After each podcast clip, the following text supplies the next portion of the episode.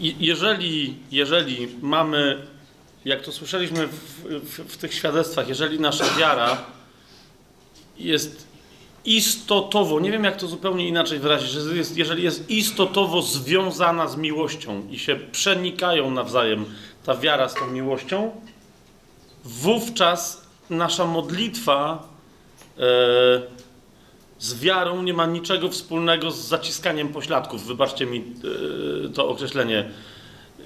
No, no, no, wiecie o co idzie, nie? Jak czas, ja, teraz ja nie mówię o, nie, nie, nie nabijam się z nikogo. Sam pamiętam swoje własne modlitwy, w ramach których na przykład, kiedy to była modlitwa o uwolnienie, y, z jakiegoś powodu, kiedyś się sam nad tym przyłapałem, że jak się modlę o uwolnienie i tam jakiś demon się manifestuje, ale ewidentnie się jakoś sprzeciwia, to uznałem za rzecz naturalną, że muszę na niego krzyczeć.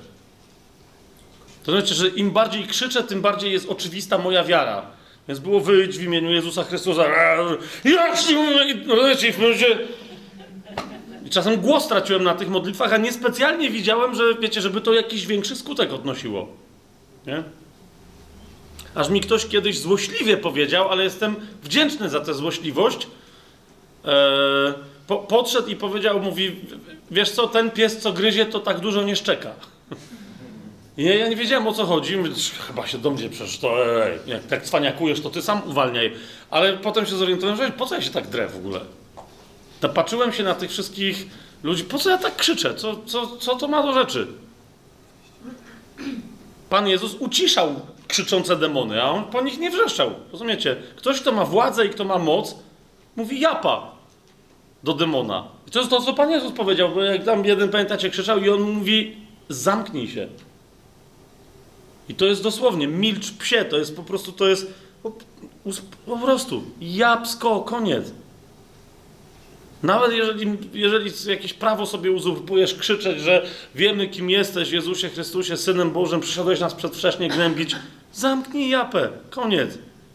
Masz milczeć przy Synu Bożym. Tyle. I taki demon musi słuchać. Pamiętam w ramach takiego szkoleniowego E, takiego szkoleniowego mm, spotkania. Mm, e, tam było, tam było sporo ludzi z różnych kościołów, ale głównie e, Legnica, kościół Anastazis, trochę ludzi, no, no i, i, ludzie z różnych kościołów, w tym my. To było spotkanie z, z pastorami. Wid, wid, no, ja, wybaczcie mi, teraz żeśmy się za, zaplątali w każdym razie kościół z Brazylii, tak? I tam było paru pastorów. Brazylijczyk pracujący teraz w Wielkiej Brytanii, jeden, który pracuje w Niemczech, Reinhard Hirtler też. E, I oni się dzielili swoimi doświadczeniami z pracy ewangelizacyjnej, jak pewne rzeczy wyglądają, kiedy jest większa grupa ludzi i na przykład, kiedy jest konferencja na temat uwolnienia demonicznego, co zrobić, kiedy się nagle zaczynają manifestować demony, tak, że czy mieć wtedy, no i tam jakieś porady były, że trzeba mieć inne y, pomieszczenie, ktoś musi kogoś wyprowadzić, czy się modlą, ci dalej głoszą i tak dalej, i tak dalej. Oczywiście zaczęły się, wiecie, komplikować historie, bo tam ktoś wstał i mówił, no dobrze, no ale czasem ci ludzie są dosyć silni, ktoś tam żyga krwią, komuś innemu tam, nie wiem, gwoździe lecą z uszów. No rozumiecie, jakieś takie historie zaczęły się po, pogłębiać, no i no, że wtedy trzeba, to może pięciu wy, wy tego wydźwigną, tamtego wycią wyciągną i no, okej. Okay. No i tam te, to wszystko, jakby dużo było doświadczenia w tym, natomiast niezwykle poruszające było, jak w pewnym momencie wyszedł Reinhardt, zapytał spokojnie, czy może, bo to nie była jego, yy, to nie była jego sesja, ale zapytał, czy może coś dodać do, do tego, co oni mówią. I oni mówią, że no oczywiście, no Reinhardt, jak najbardziej.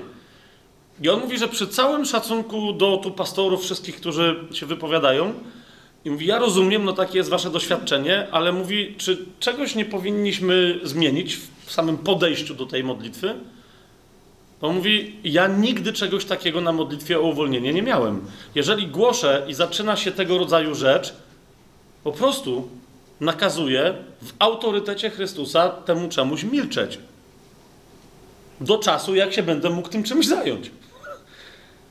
Tylko tyle mi się nigdy nie zdarzyło, żeby, żeby kogoś trzeba było mówić, no tam w jakimś jednym, drugim przypadku, ale, ale po prostu to jest tyle. Milcz, koniec, nie ma żadnych sensacji. I myślę, że bo, bo to, co wszystkich tam wtedy uderzyło, to była kwestia, jakie jest Twoje podejście wiary. jakie jest Twoje podejście wiary do tego, co się dzieje na Twoich oczach.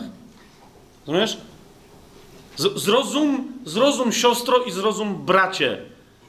Wiara w nas, ponieważ w nas żyje Chrystus, wiara w nas, jeszcze tylko troszeczkę jej pozwolimy zadziałać, to przez nas działa z nieprawdopodobną mocą. Nie tylko wtedy, kiedy szukamy uwolnienia, cudu i tak dalej, ale wszędzie. Ale wszędzie. Więc w, więc w co my wierzymy, bez wątpienia, to to się dzieje przez naszą wiarę. Jeżeli, jeżeli ktoś bez żadnego wątpienia wierzy, bo wie w Duchu Świętym, jaki ma autorytet w Chrystusie, to demon nie jest w stanie mu się oprzeć. Ale jeżeli zaangażujesz swoją wiarę w przekonanie samego siebie, że demony mają prawo robić ci raban na spotkaniu, to zaczną robić. Na mocy dokładnie twojej wiary.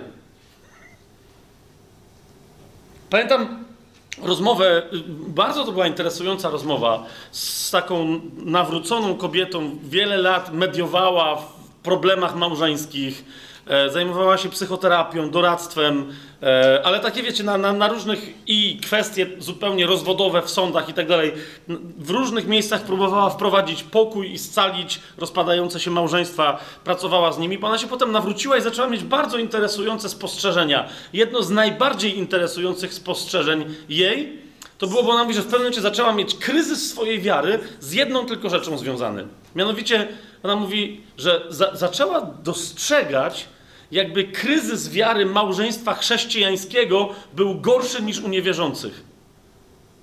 I mówi, i mówi dlaczego? I jej odpowiedź w pewnym momencie zaczęła się coraz bardziej klarować w jedną tylko stronę. Dlatego, że do normalnych małżeńskich problemów chrześcijanie dokładają moc swojej wiary, nawet o tym nie wiedząc. Nawet sobie z tego nie zdając sprawy. W momencie, kiedy masz co do czegoś przekona... Zauważcie, jak my często Boga o coś prosimy i właśnie w ramach prośby o coś niby wierzymy, ale zamieszczamy tam masę mułu, zwątpienia. A w innych kwestiach, zwłaszcza jak się wściekniemy, zwłaszcza jak pozwolimy gniewowi przejąć nasze serce albo innym negatywnym emocjom, nagle wtedy tracimy wątpliwości. Ale z całą pewnością wiemy, że w tym momencie ta dziaduwa przegięła. Wiecie o co mi chodzi? Tak, tak. Jeden może powiedział, tak wiem. ja też wiem. Żonę góralkę ja też wiem, co to znaczy. Co to znaczy tak zgrzeszyć w sercu. Ale, ale teraz pomyśl, teraz, teraz, teraz rozumiecie, ten Jakub, który mówi, że prosicie, ten Jakub, który mówi prosicie, a źle prosicie. Zauważcie, zanim przechodzi w swoim liście do czwartego rozdziału, gdzie mówi o modlitwie, zobaczcie o czym mówi w trzecim rozdziale. Otwórzcie sobie list Jakuba, trzeci rozdział.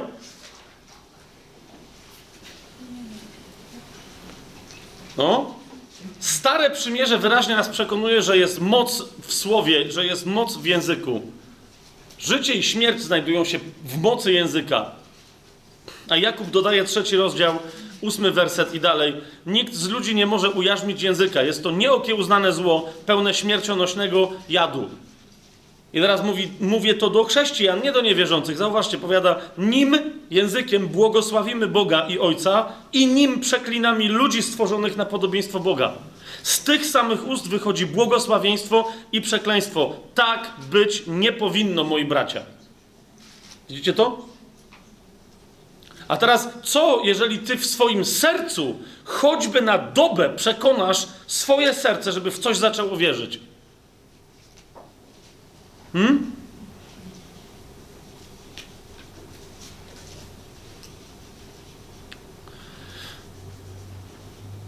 Jedno z najważniejszych proroctw, jakie dostałem osobiście, e, nie dla kogoś innego, tylko dla siebie, na mojej osobistej modlitwie, o którym Bóg mi powiedział, że mam je zapisać. To było proroctwo na temat mojej żony. Rozumiecie, to była długa, bardzo długa wypowiedź Boża, kim ona jest. I normalnie, jak miałem pewnego nerwa na nią, tak jeszcze większego nabrałem na Boga. Rozumiecie, to było na zasadzie. Mm, się normalnie tatuś wstawił za curusią. Przemawiam do serc niektórych mężów tutaj. Kobiety mają zawsze lepiej, to jest jasne, z Bogiem oczywiście. Tylko, że my powinniśmy w związku z tym ugrać temat i statusem wziąć go. No, wie, no panowie, panowie, jeżeli mamy klucz do Curusi, bo ona załatwia se tematy statusem, to dotrzyjmyż do tatusia i przez niego wpłyńmy na Curusie. Wiecie o co chodzi? Ale pierwszy mój odruch to było, to było nerw na Boga, co on mi mówi o mojej żonie. Kiedy ja uważałem, że zaraz, już bez przesady. Ja rozumiem, że mm, mm, miłość, wzajemnie się, ale zaraz. Są pewne granice w małżeństwie. Bo się żona rozbestwi. Już nie chodzi o to, że ma być posłuszna, ale bez przesady. Nie będę wam mówił o co chodziło, to był... Nie będę wam mówił ze względu na miłosierdzie dla mnie samego, ok? Ale wtedy miałem absolutnie w sercu przekonanie, że o co w ogóle chodzi? Już nie...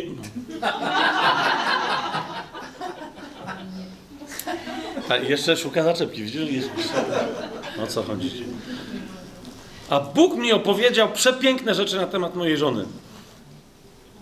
I teraz dopiero po jakimś czasie, po paru dniach, żeby nie rzec tygodniach, ale żeby poprawić nieco swój wizerunek, powiem, że po paru dniach, zadałem sobie pytanie, dlaczego, bo miałem równocześnie pewność w sercu, że to, jest, że to są prawdziwe słowa na jej temat.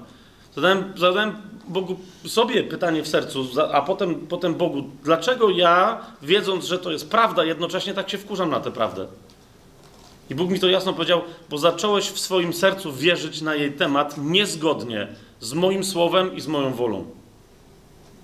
Niezgodnie z moim słowem i z moją wolą. Ja mówię, że Boże, to jest niemożliwe. Ja, jak, jak, może niezgodnie z wolą, ale ze słowem już halo. Na, naprawdę.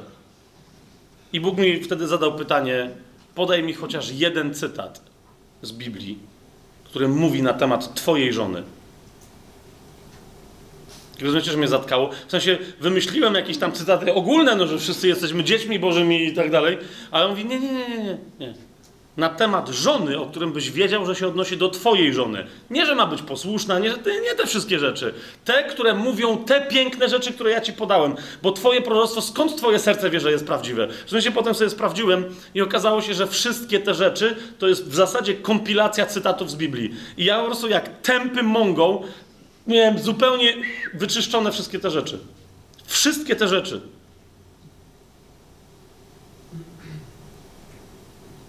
Więc jeżeli my, jeżeli my pozwalamy się oszukiwać w sercu, zasiewać diabłu w naszym sercu, niezgodne z wolą Bożą, niezgodne z wyrażoną w, w, w Słowie Bożym Jego wolą, wobec różnych, nie tylko wobec męża, żony, dzieci, w różnych aspektach naszego życia, nie opieramy się na prawdzie, to jak potem mamy się spodziewać, że, że wynikną wobec tego czyny miłości, że będziemy skuteczni w wierze, skoro się nie opieramy na prawdzie?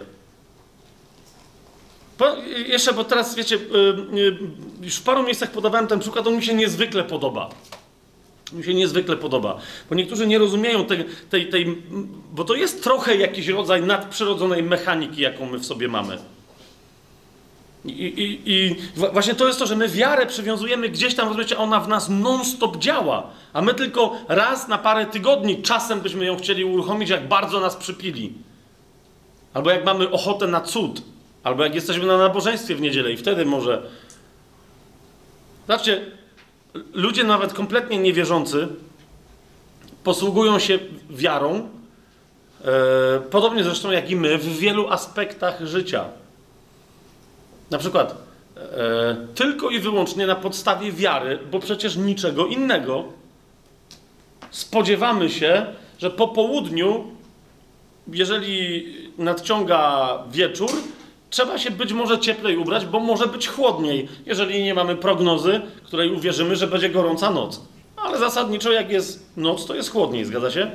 Teraz zauważ, kto z Was kwestionuje, kiedy jest dzień, czy słońce zajdzie? Zaraz powiecie, hej, ale to jest oczywiste. Nie, to nie jest oczywiste. To, że do tej pory powielekroć zachodziło, to nie znaczy, że, że może dojdzie do jakiejś katastrofy. Nie? Ale my absolutnie wierzymy, że po nocy będzie dzień, a po dniu będzie noc i tak w kółko. Absolutnie wierzymy. Dopóki jakieś znaki na niebie i na ziemi czegoś nam nie zaplą, no to mówimy, okej, no to póki co wszystko jest w miarę normalne i wierzymy. Jak wstawiasz pranie do pralki automatycznej, zauważ, jak wielka jest twoja wiara. I teraz wybaczcie znowu, bo ale jeżeli ktoś będzie poruszony emocjonalnie, to niech będzie. Gdyby ktoś do pralki automatycznej podszedł, jak wielu chrześcijan podchodzi do posługiwania się swoją wiarą, to by wyglądało w ten sposób. Zapakowaliby pranie do pralki, wcześniej znaleźli odpowiednie prawdy w Biblii na temat tego, że jest całkiem ponoć rzeczą możliwą, żeby się to udało.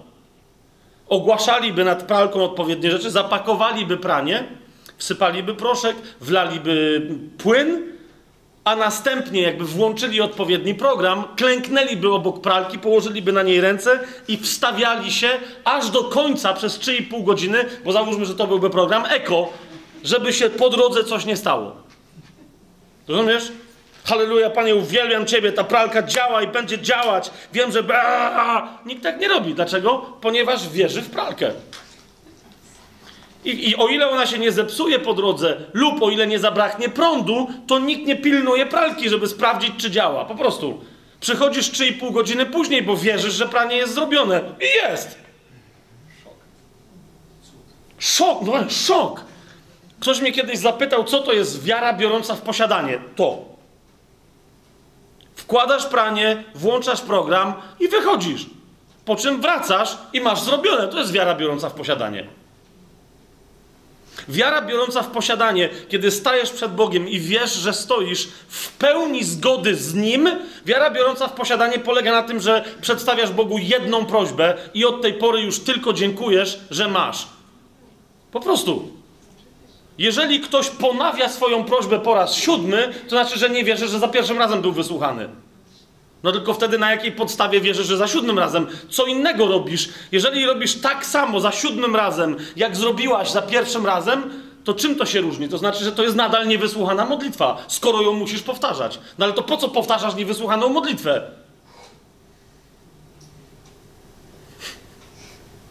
To jest tak proste, że, że zawsze potem widzę takie spojrzenia, właśnie na zasadzie, ale to jest tak proste? Czy to jest tak skomplikowane, że mi się wydaje, że to jest proste, a dalej nie łapie? To jest, to jest, to jest dokładnie tak proste. W relacji z ojcem.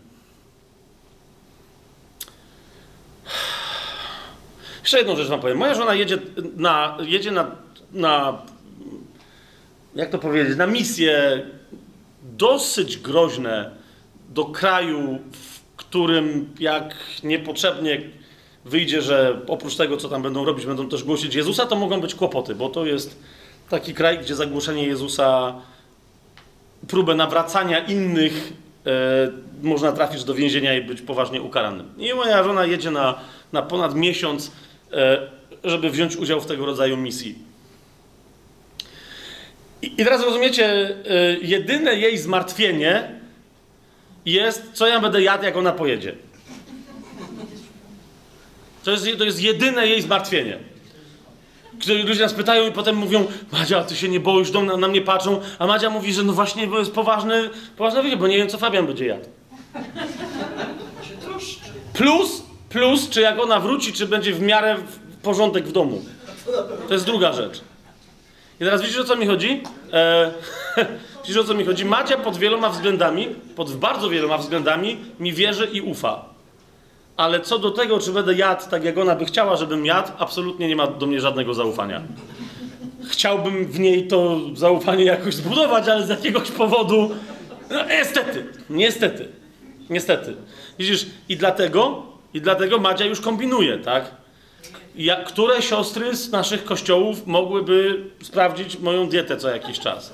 Teraz jest drugi problem, no bo jak jedna siostra mnie sprawdzi, żeby nie było jakiejś dwuznaczności, to musi być druga, co ją sprawdzi, czy ona sprawdza jedzenie, czy co innego. No rozumiecie, o co mi chodzi, tak?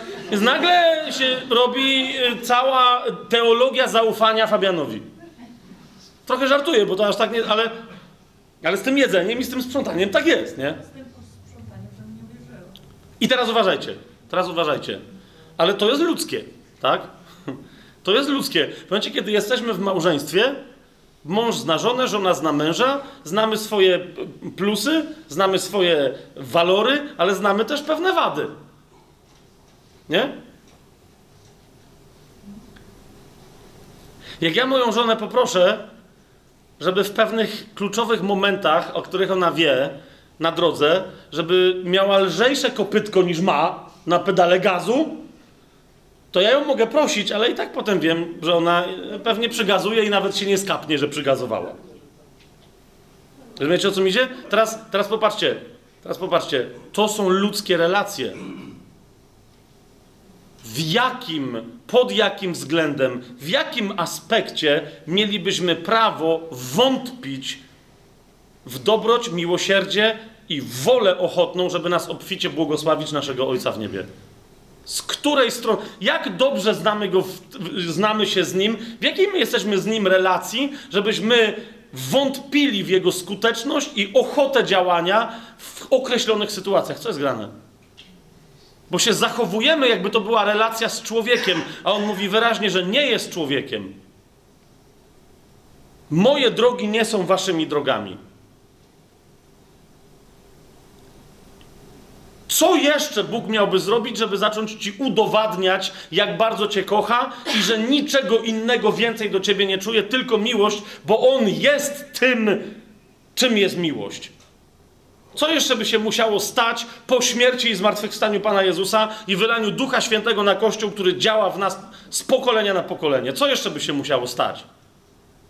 Rozumiesz, problem nie jest po jego stronie, bo on zrobił już wszystko. Jezus wyraźnie krzyknął na krzyżu: Wykonało się. Co? Wszystko. Nie da się już niczego dołożyć do tego, co się wykonało. Dzieło jest absolutne, kompletne, perfekcyjne, doskonałe. Więc jeżeli ja mam jakąś wątpliwość co do perfekcyjności tego dzieła, to problem jest po mojej stronie, a nie po Bożej stronie.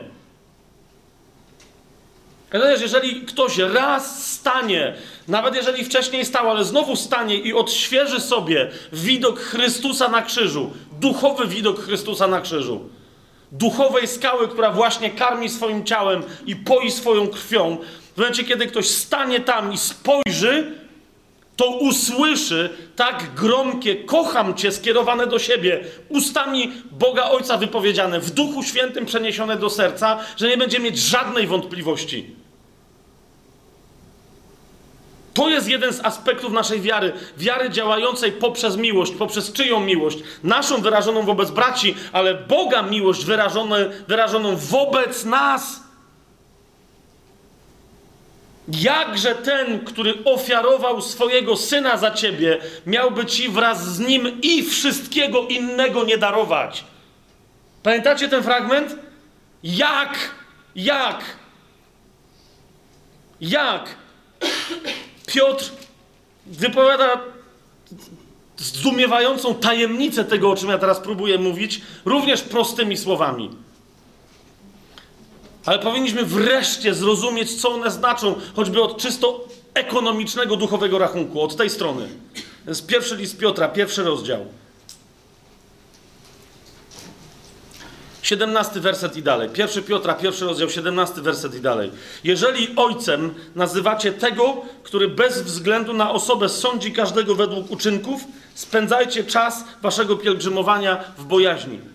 Wiedząc, zwróćcie na to uwagę, że nie tym, co zniszczalne, nie srebrem czy złotem zostaliście wykupieni z waszego marnego postępowania przekazanego przez ojców, ale drogocenną krwią Chrystusa jako baranka niewinnego i niepokalanego, przeznaczonego do tego przed założeniem świata, a objawionego w czasach ostatecznych ze względu na Was.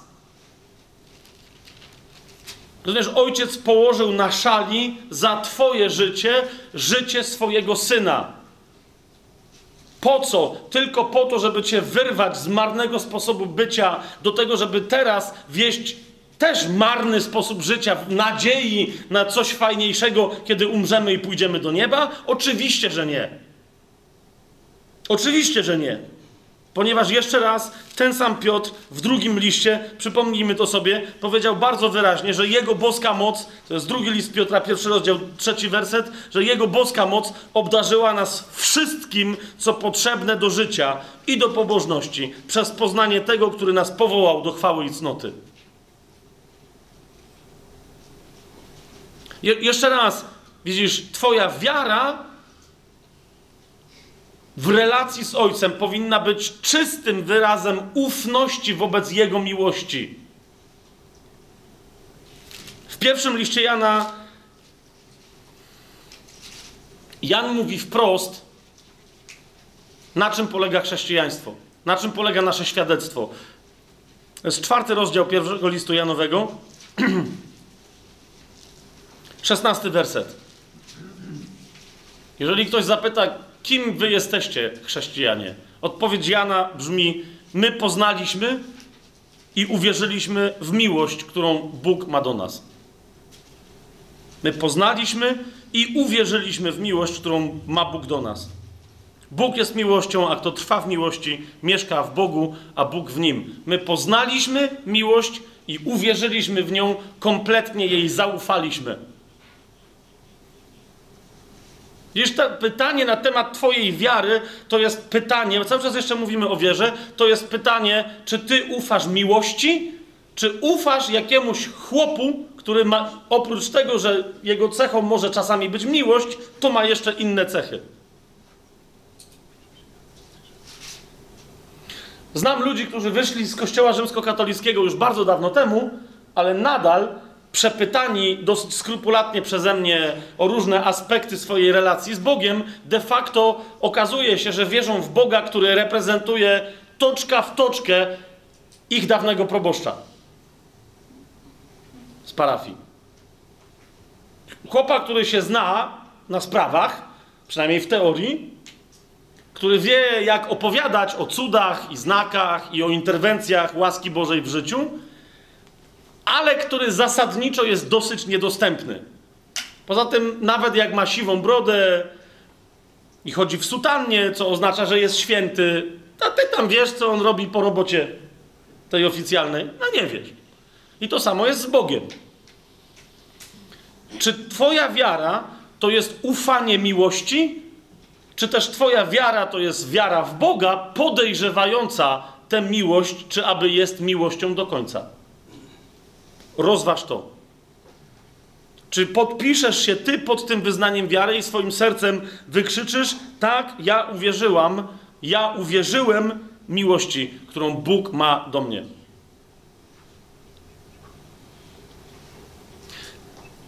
Nie pamiętam, jak się ten pastor nazywał. Może ktoś z Was też słyszał tę historię, to mi, to mi podpowiedzcie.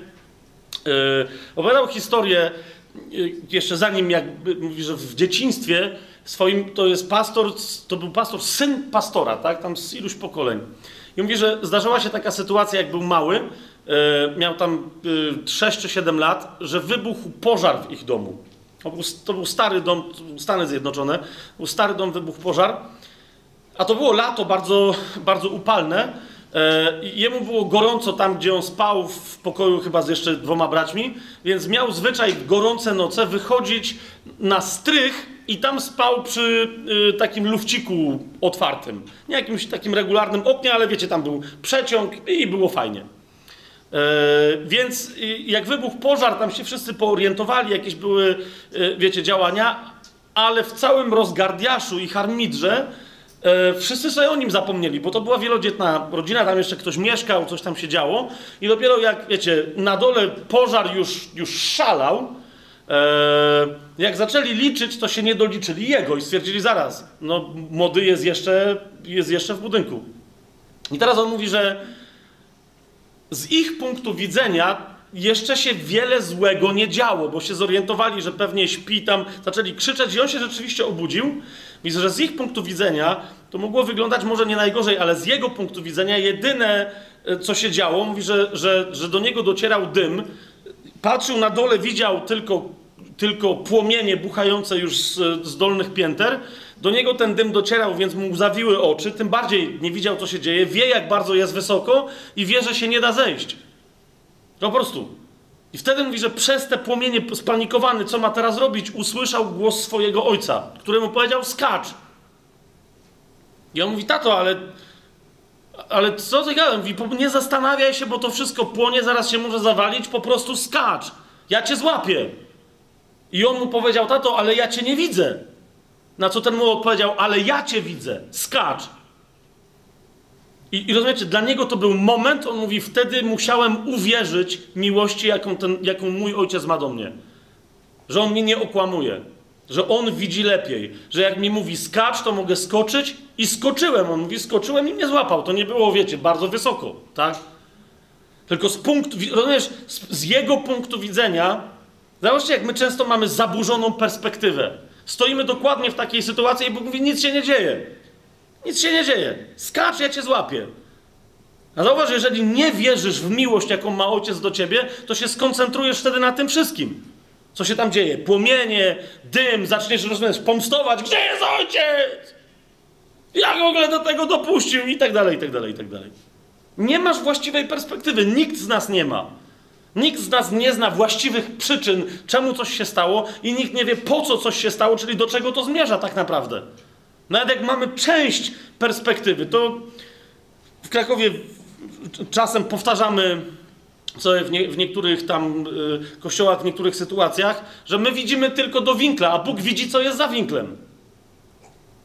No wiesz, więc jak ci mówi, co jest za winklem i mówi biegnij w lewo, a nie w prawo, bo jak pobiegniesz w prawo, tam są dzikie psy, a jak pobiegniesz w lewo, tam cię przyjmą z otwartymi ramionami, to zaufaj Ojcu, bo ty nie widzisz, co jest za winklem. Dokładnie to ma na myśli Paweł, kiedy mówi, my wiarą chodzimy, a nie oglądaniem cielesnym, bo wiarą widzimy dalej. Dlaczego? Ponieważ mamy wiarę tego, który widzi wszystko. Ja jestem alfa i omega, początek i koniec, mówi ten, którego wiarą my żyjemy. Więc jeszcze raz, i to już ostatnio, myślę, że to jest bardzo ważne, nie będę tego rozwijał, tak? Ale zadaj sobie pytanie, komu ty wierzysz? Czy ten, komu wierzysz, komu się polecasz, komu ufasz całkowicie i się oddajesz, czy jest miłością? Czy, czy częściowo się jemu oddajesz, a częściowo się jeszcze zabezpieczasz? Bo zawsze to zabezpieczenie będzie oznaczało, że on tylko częściowo jest miłością, a częściowo wobec ciebie boisz się, że się okaże kimś innym. Teraz co do, co do niewiary i co do zwątpienia. Żeby jeszcze potem był czas na pytania i e, żebyśmy też mieli możliwość się pomodlić i tak dalej. Otóż w liście do Hebrajczyków, podobnie zresztą jak i w pierwszym do Koryntian, do tego Paweł tam zmierzał, w liście do Hebrajczyków Paweł miał na myśli jedną konkretną sytuację, którą mamy opisaną e, najlepiej w Księdze Liczb, więc, e, czyli, e, czyli w czwartej Mojżeszowej. Z czwarta Mojżeszowa, 13, 13 e, rozdział.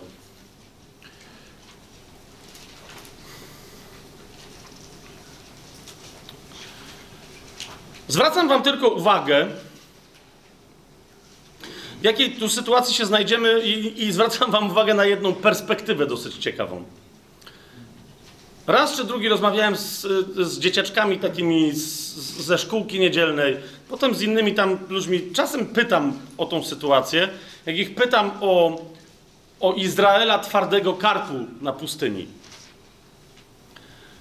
I, I ciekawe jest, że ludzie bardzo często myślą, że mnóstwo tych historii, pamiętacie, że Żydzi narzekali, że nie mają co jeść, że nie mają co pić, że Żydzi narzekali, że no właśnie, że, że tu woda, przepiórki, manna przyszła elegancko, to potem jeszcze na coś narzekali. Narzekali na Mojżesza, obsypało trądem y, Miriam. Pamiętacie, jest masę tych historii i często ludzie mają taką ciekawą perspektywę, że te wszystkie historie działy się na przestrzeni 40 lat pobytu Izraela na pustyni. A one się działy na przestrzeni parunastu dni po tym, jak Izrael wyszedł z Egiptu, a przed tym, jak miał, no może parunastu przesadziłem teraz, e, jakichś trzech miesięcy.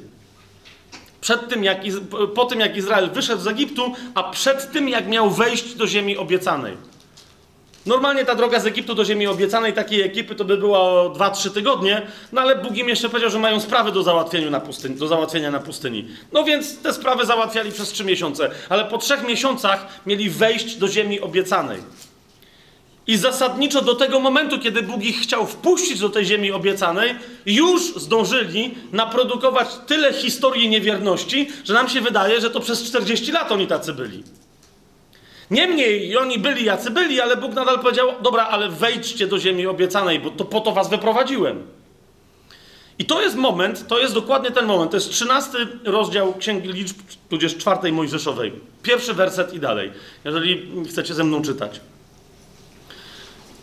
To jest po przejściu przez Morze Czerwone. No wiecie, Pan powiedział do Mojżesza: Wyślij mężczyzn, aby wyszpiegowali ziemię Kanaan, którą daje synom Izraela. Pierwsze zdanie, jakim zaczyna się ta historia. Moment, kiedy Izrael może wejść śmiało do ziemi Izraela. Nie będę teraz, kochani, rozwijał w ogóle tego wątku, tylko zdajcie sobie sprawę, zdajmy sobie sprawę, bo ja wiem, co mam powiedzieć, a nadal to jest dla mnie trudne do, wiecie, przejścia, że obietnica wejścia do tej ziemi była obietnicą, którą Izrael żył przez zasadniczo pół tysiąca lat. Od momentu, kiedy Abraham pierwszy otrzymał tę obietnicę, potem Izaak dostał potwierdzenie, Jakub, od którego, który w potoku jabłok walczył z Panem i dostał imię Izrael i od niego cały ten naród się wziął, tak? Potem trafili do niewoli, jak pamiętacie, Józef, Egipt, 430 lat. Okej, okay. rozumiecie, to jest prawie pół tysiąca lat, kiedy oni wiedzieli, żyli nadzieją, że w pewnym momencie wyjdą z Egiptu i dostaną ziemię, która była im obiecana. Że ją dostaną. Obietnicę wejścia do tej ziemi Bóg im potwierdził przez Mojżesza, samemu Mojżeszowi, ale, ale również powiedział im wyraźnie, jakie tam są ludy i co on z nimi zrobi, żeby oni mogli wejść do tej ziemi. Również powtarzając y, y, y, Żydom, że nie ze względu na jakąś ich specjalną sprawiedliwość, ale ze względu na absolutne bezprawie i niesprawiedliwość i bestialstwo, w jakim żyją tamte ludy, Bóg już dłużej nie może, im, nie może okazywać im cierpliwości i ich wypędzi. A więc, że Bóg sam wypędzi te narody, chodzi tylko o to, żeby Izrael chciał tam wejść. Ok? To jest bardzo istotne. I jeżeli chcecie, to sobie prześledźcie cały pięcioksiąg aż do tego momentu, znaczy to, czyli do cztery księgi, tak? Aż do tego momentu. Zobaczycie, w jak wielu miejscach Bóg, to są te wszystkie fragmenty i wypędzę przed tobą Amalekitów, Anakitów, Hiwitów, Jebuzów. Pamiętacie, te, te, tam te wszystkie, to jest za każdym razem Bóg mówi, kogo wypędzi przed Izraelem. On sam, ja sam będę walczył. Zanim mieli wejść do tej ziemi, to już im pokazał, że on sam walczył. Wystarczy, że Mojżesz trzymał ręce. Tylko tyle. Tylko tyle. Dlaczego zwracam Wam na to uwagę? Ponieważ, kochani, yy, u wielu osób niewiara za. Hmm. Nie mamy dużo czasu, ale, ale nie zastanawiam się, jak to powiedzieć najbardziej możliwie lapidarnie, ale dosadnie. U wielu osób niewiara zaczyna się od postawy, w ramach której nie oczekują żadnych obietnic od Boga dla siebie. Po prostu żyją, ale wręcz niektórzy nawet jak o tym pierwsze, czasem dowiadują się po raz pierwszy ode mnie o tym i mówią, ale jak to ja mam, jak, jakie obietnice, w sensie co?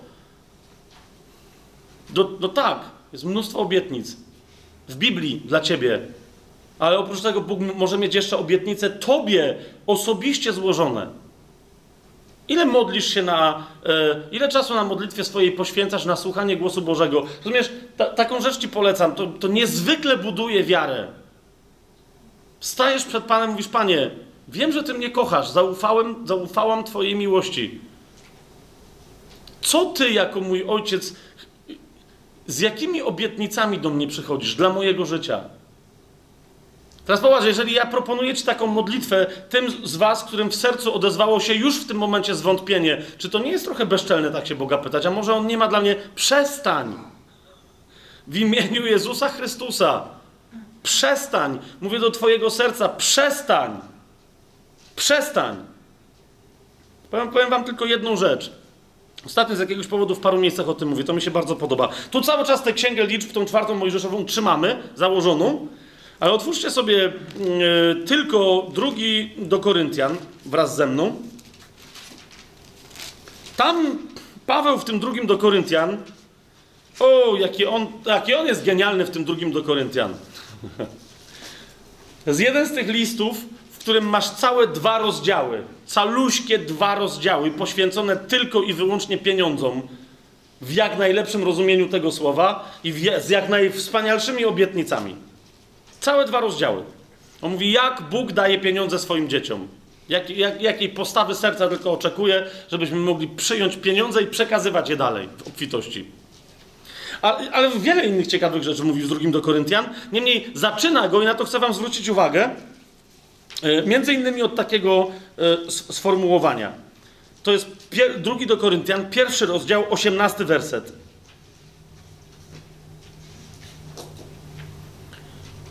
Paweł mówi, że co ja do was mówiłem, to wszystko było tak, tak, a nie, że niektóre rzeczy były tak, a inne nie. Dlaczego? Ponieważ to, co wobec was robiłem, to, co do was mówiłem, było wyrazem wierności Bożej. To jest osiemnasty werset. On mówi, lecz jak Bóg jest wierny, tak i nasze słowa do was nie były tak i nie. A więc mówi, Bóg jest wierny. Składa obietnicę i jest wierny. I tu jakby Paweł się zreflektował, ale czekaj, Koryntianom chyba trzeba przypomnieć, co to znaczy, i mówi dalej, zauważcie, ponieważ Syn Boży, Jezus Chrystus, który wśród was głoszony był przez nas, to znaczy przeze mnie, Sylwana i Tymoteusza, nie był tak i nie, ale w nim było tylko i wyłącznie tak. I teraz co to oznacza? On mówi, ile bowiem jest obietnic Boga, w nim są tak i w nim wszystkie są amen ku chwale Boga przez nas. Chwała Boga wyraża się przez nas, którzy przyjmujemy obietnicę Boga. Dlaczego? Ponieważ wiemy, że skoro On je złożył, my mamy prawo do tych obietnic. Czy to jest jasne, co, co powiedziałem? Dobra, to teraz, teraz przejdźmy do, do konkretów. Zanim zaczniesz swoją modlitwę i zaczniesz pytać Boga, jaką On ma obietnicę dla ciebie osobistą w Twoim życiu, Każda obietnica, która znajduje się w Biblii, każda obietnica, nie tylko na podstawie tego fragmentu, ale nie mamy czasu, tak? Między innymi na podstawie tego fragmentu, Słowo Boże mówi wyraźnie, każda obietnica, jaka znajduje się w Biblii, dlatego kto ma Chrystusa w sobie, jest do wzięcia z miejsca, ponieważ dla tego, kto ma Chrystusa w sobie, obietnica Boża jest na tak i na amen. Ty mówisz, przychodzisz do Boga i mówisz, Panie, znalazłem tutaj obietnicę, e, czy mogę ją zrealizować w swoim życiu? A on mówi, w Chrystusie już jest zrealizowana. Amen, dziecko. Tak. Potwierdzam. Teraz uważajcie. W całej Biblii jest ponad 30, prawie 31 tysięcy, ponad 30 tysięcy wersetów. 30 tysięcy wersetów. Mamy to? Doktor Storms jakieś 70 lat temu, czy 50, może źle, nieważne. Doktor Storms policzył, bo jak przeczytał ten drugi do Koryntian, stwierdził wszystkie obietnice Boże i to ile tego będzie? Z 50? Czy warto byłoby sobie zrobić spis? Doktor Storms zaczął czytać Biblię tylko i wyłącznie pod kątem obietnic, jakie Bóg złożył swoim dziedzicom w tej księdze. Księga ma 30 tysięcy wersetów. Wiecie, ilu on się doliczył obietnic? I je zapisał, i zademonstrował, i udowodnił. Mówi, policz i mi udowodnij, że tak nie jest.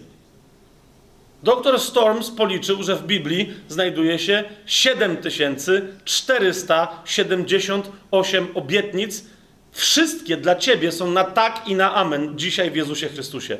7478. To jaki to jest procent z 30 tysięcy?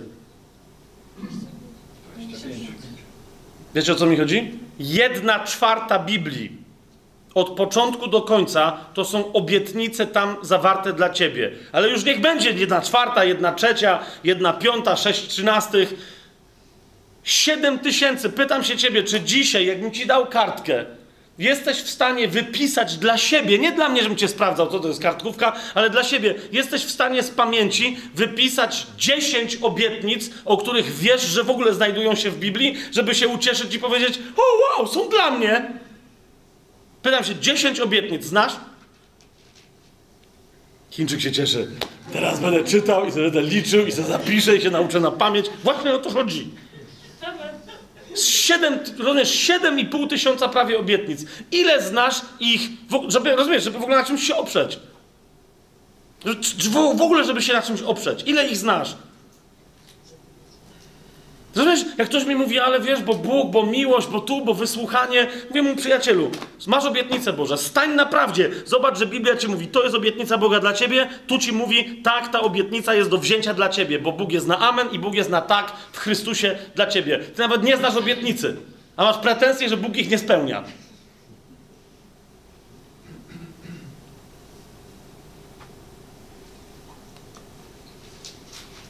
Derek Prince, pamiętam, że opowiadał taką historię, był bardzo, bardzo chory, nie wiedział, co się dzieje. Był w kościele zielonoświątkowym jeszcze w czasach, kiedy powszechnie kościół zielonoświątkowy wierzył w uzdrowienie i praktykował.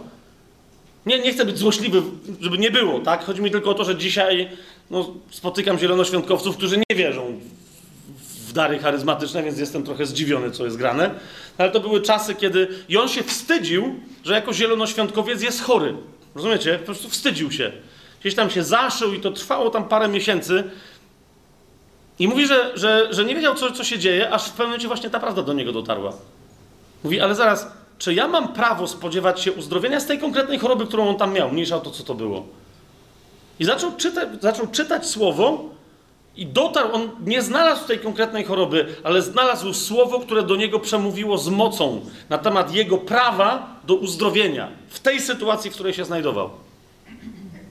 Słuchajcie, jak przeczytał to słowo, mówi, że się ucieszył, że o jest, jest obietnica dla mnie.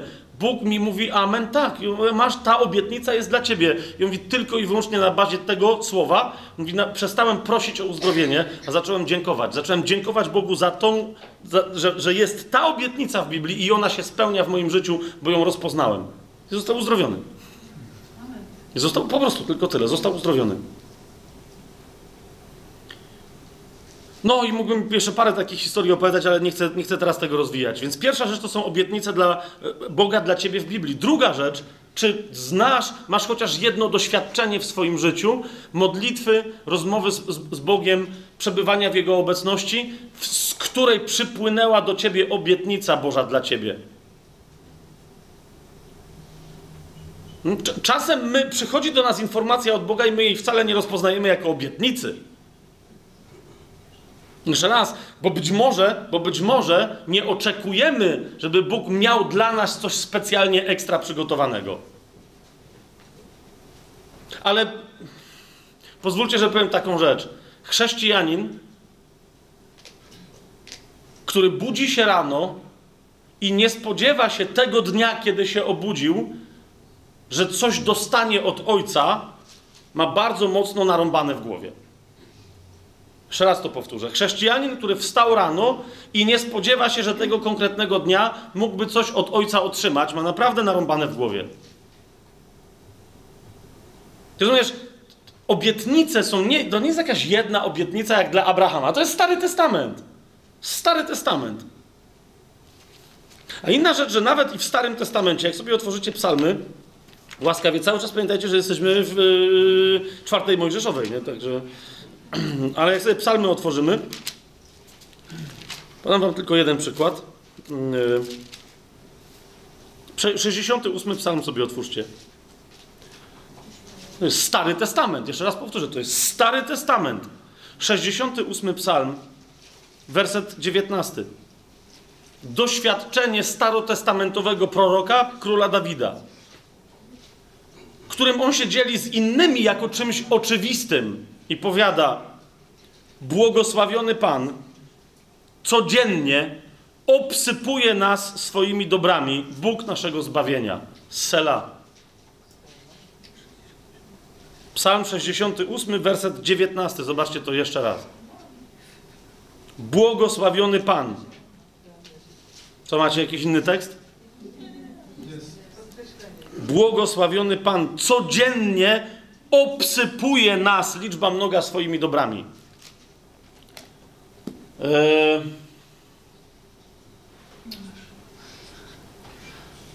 Jadłem ciastko tutaj w przerwie. Tu mam jeden okruch i tu mam drugi okruch. To jasne, mam dwa okruchy tutaj w tych palcach. Teraz powiedzcie mi, czy ja was teraz obsypałem? Jakbym wziął sześć okruchów i bym tak, to, to już was obsypałem?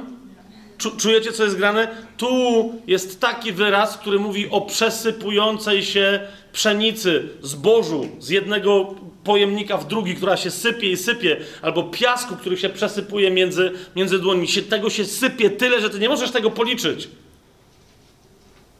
I, I, Dawid mówi, że takie doświadczenie jego, je, ale on to mówi, zauważ, w liczbie mnogiej. On to mówi w liczbie mnogiej. Nas Bóg obsybuje codziennie swoimi dobrami.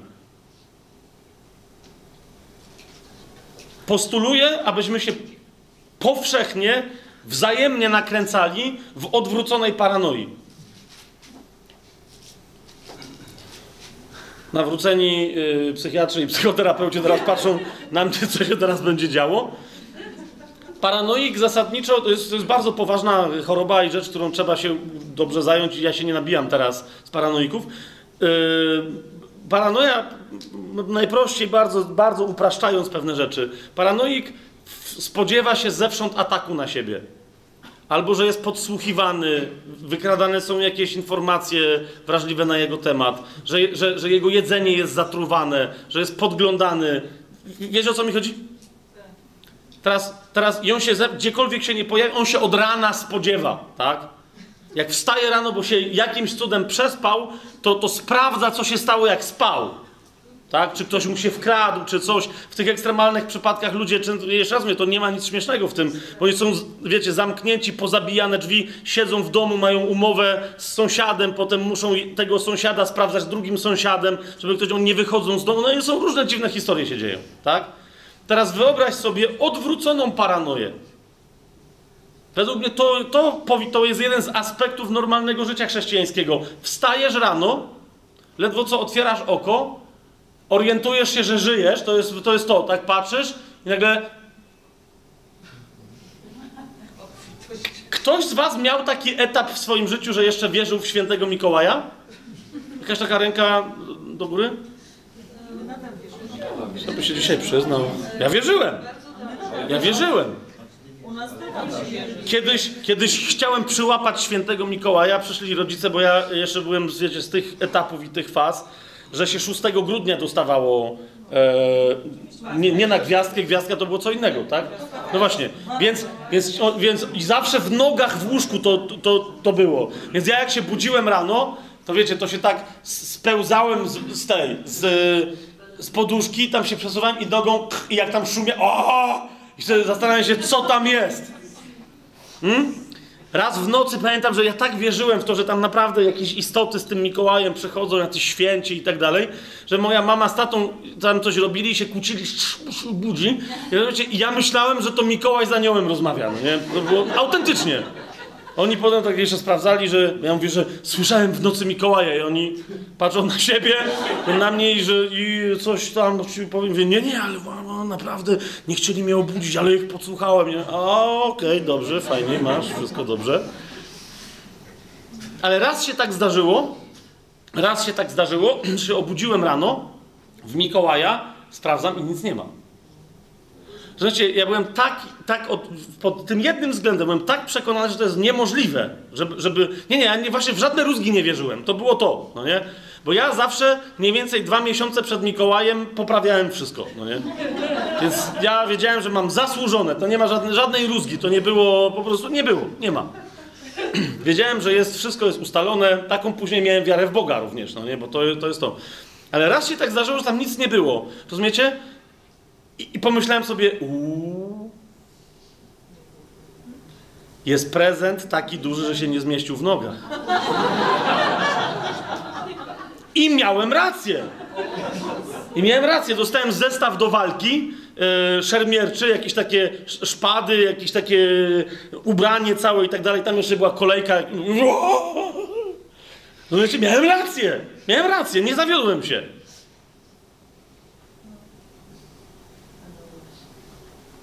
Kapujecie? Chrześcijanin to jest człowiek, który ma Mikołaja codziennie. Sto razy lepszego. Sto razy lepszego. Sto razy lepszego. Niektórzy mi mówią, wiesz co, ja czasem przeżywam cały dzień. No jakoś, wiesz, jakoś tego obsypania nie czuję. Hmm? Pomyśl, coś pomyślał o dziecku, takim dziesięcioletnim, żeby już było takie w miarę rozgarnięte, które by siedziało obok choinki w Boże Narodzenie, pod którą to choinką byłoby sto nieotwartych prezentów, które by biadoliło, że nic do niego nie przyszło. Problem chrześcijan polega na tym, że są sztywniakami. Problem chrześcijan polega na tym, że są po prostu wapniakami, to takimi strasznymi, jak się, lamusami są, nie wiem, jak to się mówi, młodzież, ej. Tak żeby, nie dobra, no, się śmieją, znaczy, że chcieli coś ostrego powiedzieć, nie, nie. Eee, po prostu lamerstwo ciężkie. To, to, jest, to jest problem dzisiaj z chrześcijanami. Że nie, nie, rozumiecie, nie wchodzą w ten fan, który Bóg ma, w, to, w tą jazdę taką, którą Bóg ma. Bóg mówi, jest prezent, ale weź tego otwórz. Kto, czy ktoś z was y, lubi dawać prezenty innym ludziom? Jeden, Konrad się zgłosił, dziękuję. Jest jeden, dobra, jest druga, super, super. Co jest lepsze? Powiedzcie mi, co jest lepsze? Przyjść do kogoś od razu z wszystkim na wierzchu wywalonym, czy zapakować mu, dać i potem patrzeć, jak on tam się rozwija i nie wie, co się dzieje i, i, i patrzeć, jakie... Prawda? Prawda? Więc nie odbierajcie radochy ojcu! Rozumiesz, Bóg to wszystko pakuje. A jeszcze do tego są, pod, rozumiesz, on daje znaki, nie? Czasem jak byk jest napisane, wychodzisz z domu i przed tobą w duchu jest napisane spójrz w lewo. Rozumiesz, ale ty tam będziesz patrzeć w lewo, ty masz ważniejsze sprawy do roboty. To jaka jest jazda? Jest ciężkie życie. Cię czeka robota, czeka cię spotkanie z szefem, czeka cię spotkanie z klientem. Wszystko cię czeka, tylko nie to, co ojciec ci przygotował. Rozumiesz? Moja żona w pewnym momencie kiedyś miała, mogę o tym opowiedzieć, co znalazłaś w koszu na śmieci? na malowniczej chodzi mi, jak tam mieszkaliśmy. Moja żona kiedyś miała tam taki wątek z, z, tymi, z, tymi prezentami od Boga. Kiedyś poszła wyrzucić śmieci e, do kosza, taki, bo myśmy wtedy mieszkali przy takim domu przy, przy ulicy, tak? A poszła wyrzucić śmieci, otworzyła kosz i na śmieciach, na wszystkim, na śmieciach leżała elegancka stóweczka. 100 złotych. Tak o! Wszyscy nas patrzą na mnie, okej, okay, niech teraz ona znowu powie świadectwo. Nie, naprawdę tak było. I potem myśmy się zastanawiali, ale no powiedzcie mi, jak racjonalnie, w sensie, yy, e, no załóżmy, że ktoś nam chciał dać 100 złotych, no nie? Nie miał śmiałości i zostawił na śmieciach w środku, tam wreszcie byle co mogło coś powiać wiatr i to mogło się tam... Ale to leżało elegancję, elegancko na, na samej górze, ledwo tam się gibało, po prostu... Okej, okay. nie, to była prawdziwa stóweczka, później zadziałała w sklepie, wszystko gra. Żadna wątruba, wszystko było elegancko. No i wtedy myśmy się, rozumiecie, szukaliśmy racjonalnego wyjaśnienia. Kto? Madzia mówi, może nie wiem, może ja w śmieciach wyrzuciłam i jakoś się wyplezło z worka, a wiecie, worki zaciśnięte, po góralsku, tak? Ale może, może jakoś to tam się pod wpływem jakichś sił wydostała się ta stówka, a potem się rozpłaszczyła na wokół. Jasne. No bo jako chrześcijanom było nam trudno sobie wyobrazić, że może po prostu Bóg miał z nas jazdę, wysłał anioła i anioł położył stówkę na śmieciach. I teraz całe niebo ma pompę. I oni dalej jeszcze nie podziękowali, tylko kminią. Skąd ta stówka? Ty skąd ta stówka? A nawet jakby ktoś przyszedł, zapukał, puk, puk i powiedział, e, mam dla was stówkę, nara. Rozumiesz, to dalej by było, e, skąd mu to przyszło do głowy? Dziękuj Bogu! Dziękuj Bogu!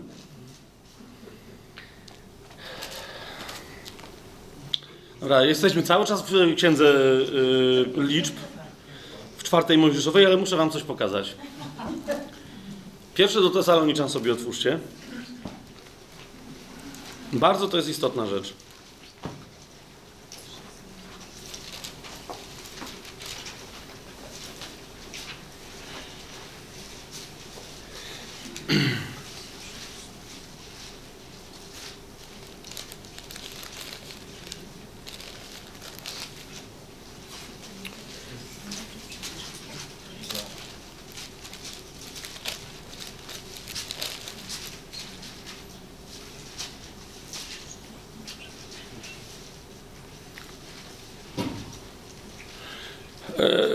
Chociaż, okej, okay, niech będzie. Bo, bo, w wielu miejscach w Biblii mamy wyraźnie napisane, żeby non-stop dziękować. Zgadza się? Trochę jest głupio dziękować, jak nie ma za co. Zauważcie, a Biblia mówi cały czas dziękujcie. Rozumiesz, jaka jest obfitość obsypywania nas? I teraz popatrz. List do Filipian, piąty rozdział. Do Tesaloniczan. Pierwszy do Tesaloniczan, piąty rozdział. Osiemnasty werset. Zobacz, co tam jest napisane. Za wszystko dziękujcie. Taka jest bowiem wola Boga w Chrystusie Jezusie względem was.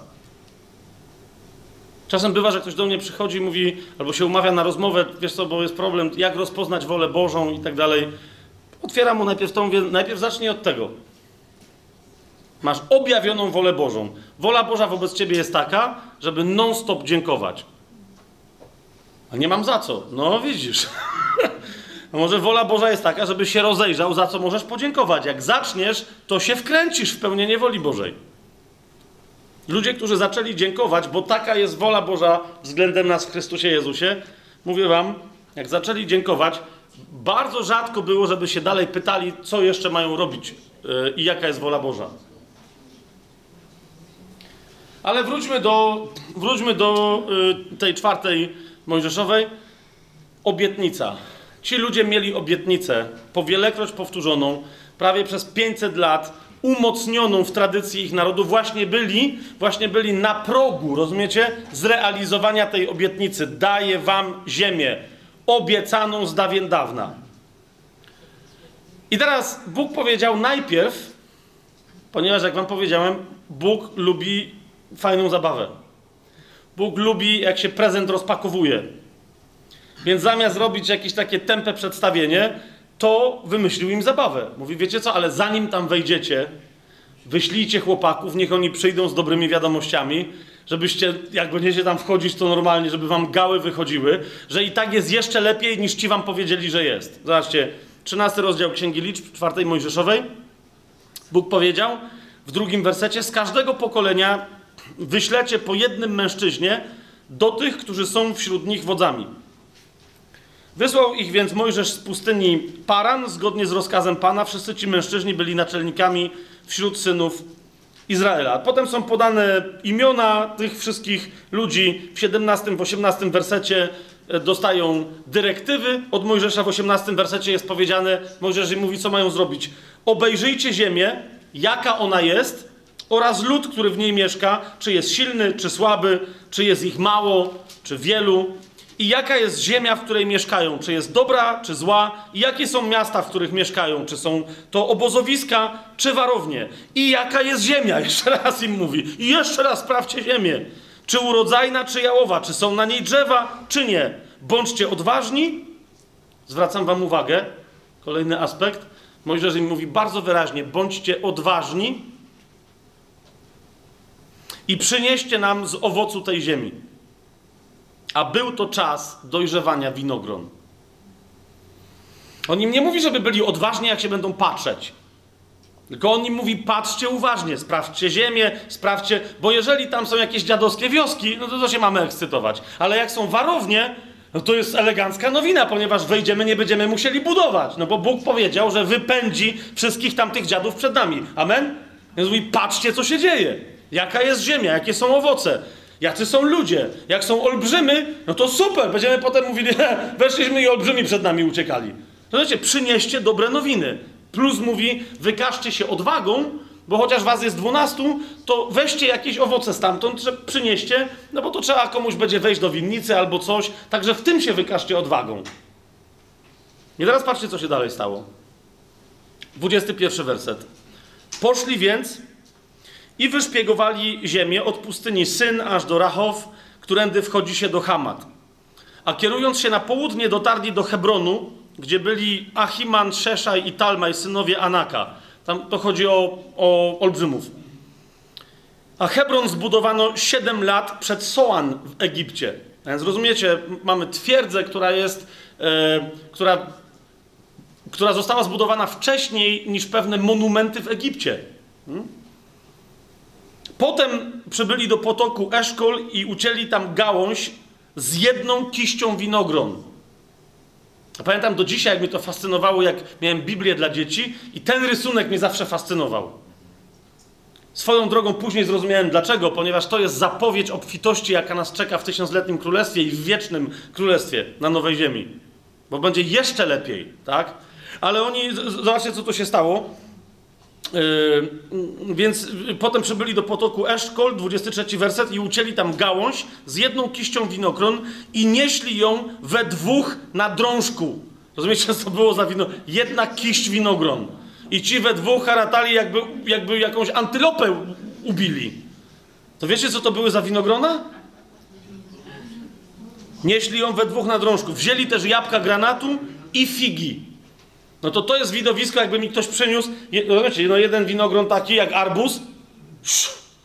Była uczta elegancka. No więc przynieśli to wszystko. Po 40 dniach, 25 werset, wrócili z wyszpiegowania ziemi, a kiedy wrócili, przyszli do Mojżesza, Aarona i całego zgromadzenia synów Izraela na pustynię Paran do Kadesz. Zdali sprawę im oraz całemu zgromadzeniu, pokazali im też owoce tej ziemi. No, to co się powinno dziać? Tańce, śpiewy, radość, elegancja, Francja. Tudzież, jak mawiał jeden nieżyjący już mój znajomy z Nowego Sącza, Sącza cyc, pic i stereo. To zawsze oznaczało, że już lepiej być nie może.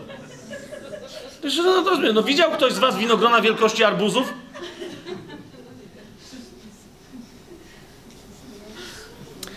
Ale powiedzieli też, 27 werset, przyszliśmy do ziemi, do której nas wysłałeś. Zauważcie, już jest pretensja do Mojżesza. Ona rzeczywiście opływa mlekiem i miodem, a oto są jej owoce. Tylko, że lud, który mieszka w tej ziemi, jest silny, a miasta są obwarowane i bardzo wielkie. Widzieliśmy tam również synów Anaka. Amalekici mieszkają w południowej części ziemi, a Chetyci, Jebuzyci, Amoryci mieszkają w górach. Kananejczycy zaś mieszkają nad morzem i nad brzegiem Jordanu. No, to jak tam są takie ludy, o których Bóg im kilkanaście, kilkadziesiąt razy, żeby nie rzec, że pewnie kilkaset, powtarzał, co zrobi, co zrobi z tymi ludami, jak oni tylko przejdą przez Jordan. To ci nagle stwierdzili, no jasne, ale jednak to są olbrzymi. Wtedy Kaleb, 30 werset, zobaczcie dalej, uspokajał lud szemrzący przeciw Mojżeszowi i mówił: Pójdźmy i posiądźmy ziemię, bo zdołamy ją podbić. Potem, jak zobaczycie w księdze Jozułego, kto to jest Kaleb, bo on się cały czas odwołuje do tej obietnicy po 40 latach, którą Bóg jemu i Jozułemu złożył, to, to, to zrozumiecie, co się tutaj dzieje. ok? Kaleb mówi, no idźmy tam i to pod... mówi, o co chodzi? Przecież to jest żaden problem. No olbrzymi, no ale Bóg jest z nami. Przecież mamy obietnicę. Rozumiesz o co chodzi? Mamy obietnicę. Lecz mężczyźni, którzy z nim poszli, powiedzieli: Nie możemy wyruszyć przeciw tamtemu ludowi, bo on jest silniejszy od nas. I na domiar złego, 32 werset, rozpuścili wśród synów Izraela złą wieść o ziemi, którą wyszpiegowali, mówiąc: Ziemia, przez którą przeszliśmy, aby ją zbadać, jest ziemią, która pożera swoich mieszkańców. No to, to, to nie wiem, z czego oni wywnioskowali. A wszyscy ludzie, których w niej widzieliśmy, zwróćcie uwagę, wszyscy ludzie, ci olbrzymi tam są wymienieni z imienia specjalnie, żeby było wiadomo, że akurat zauważyli trzech.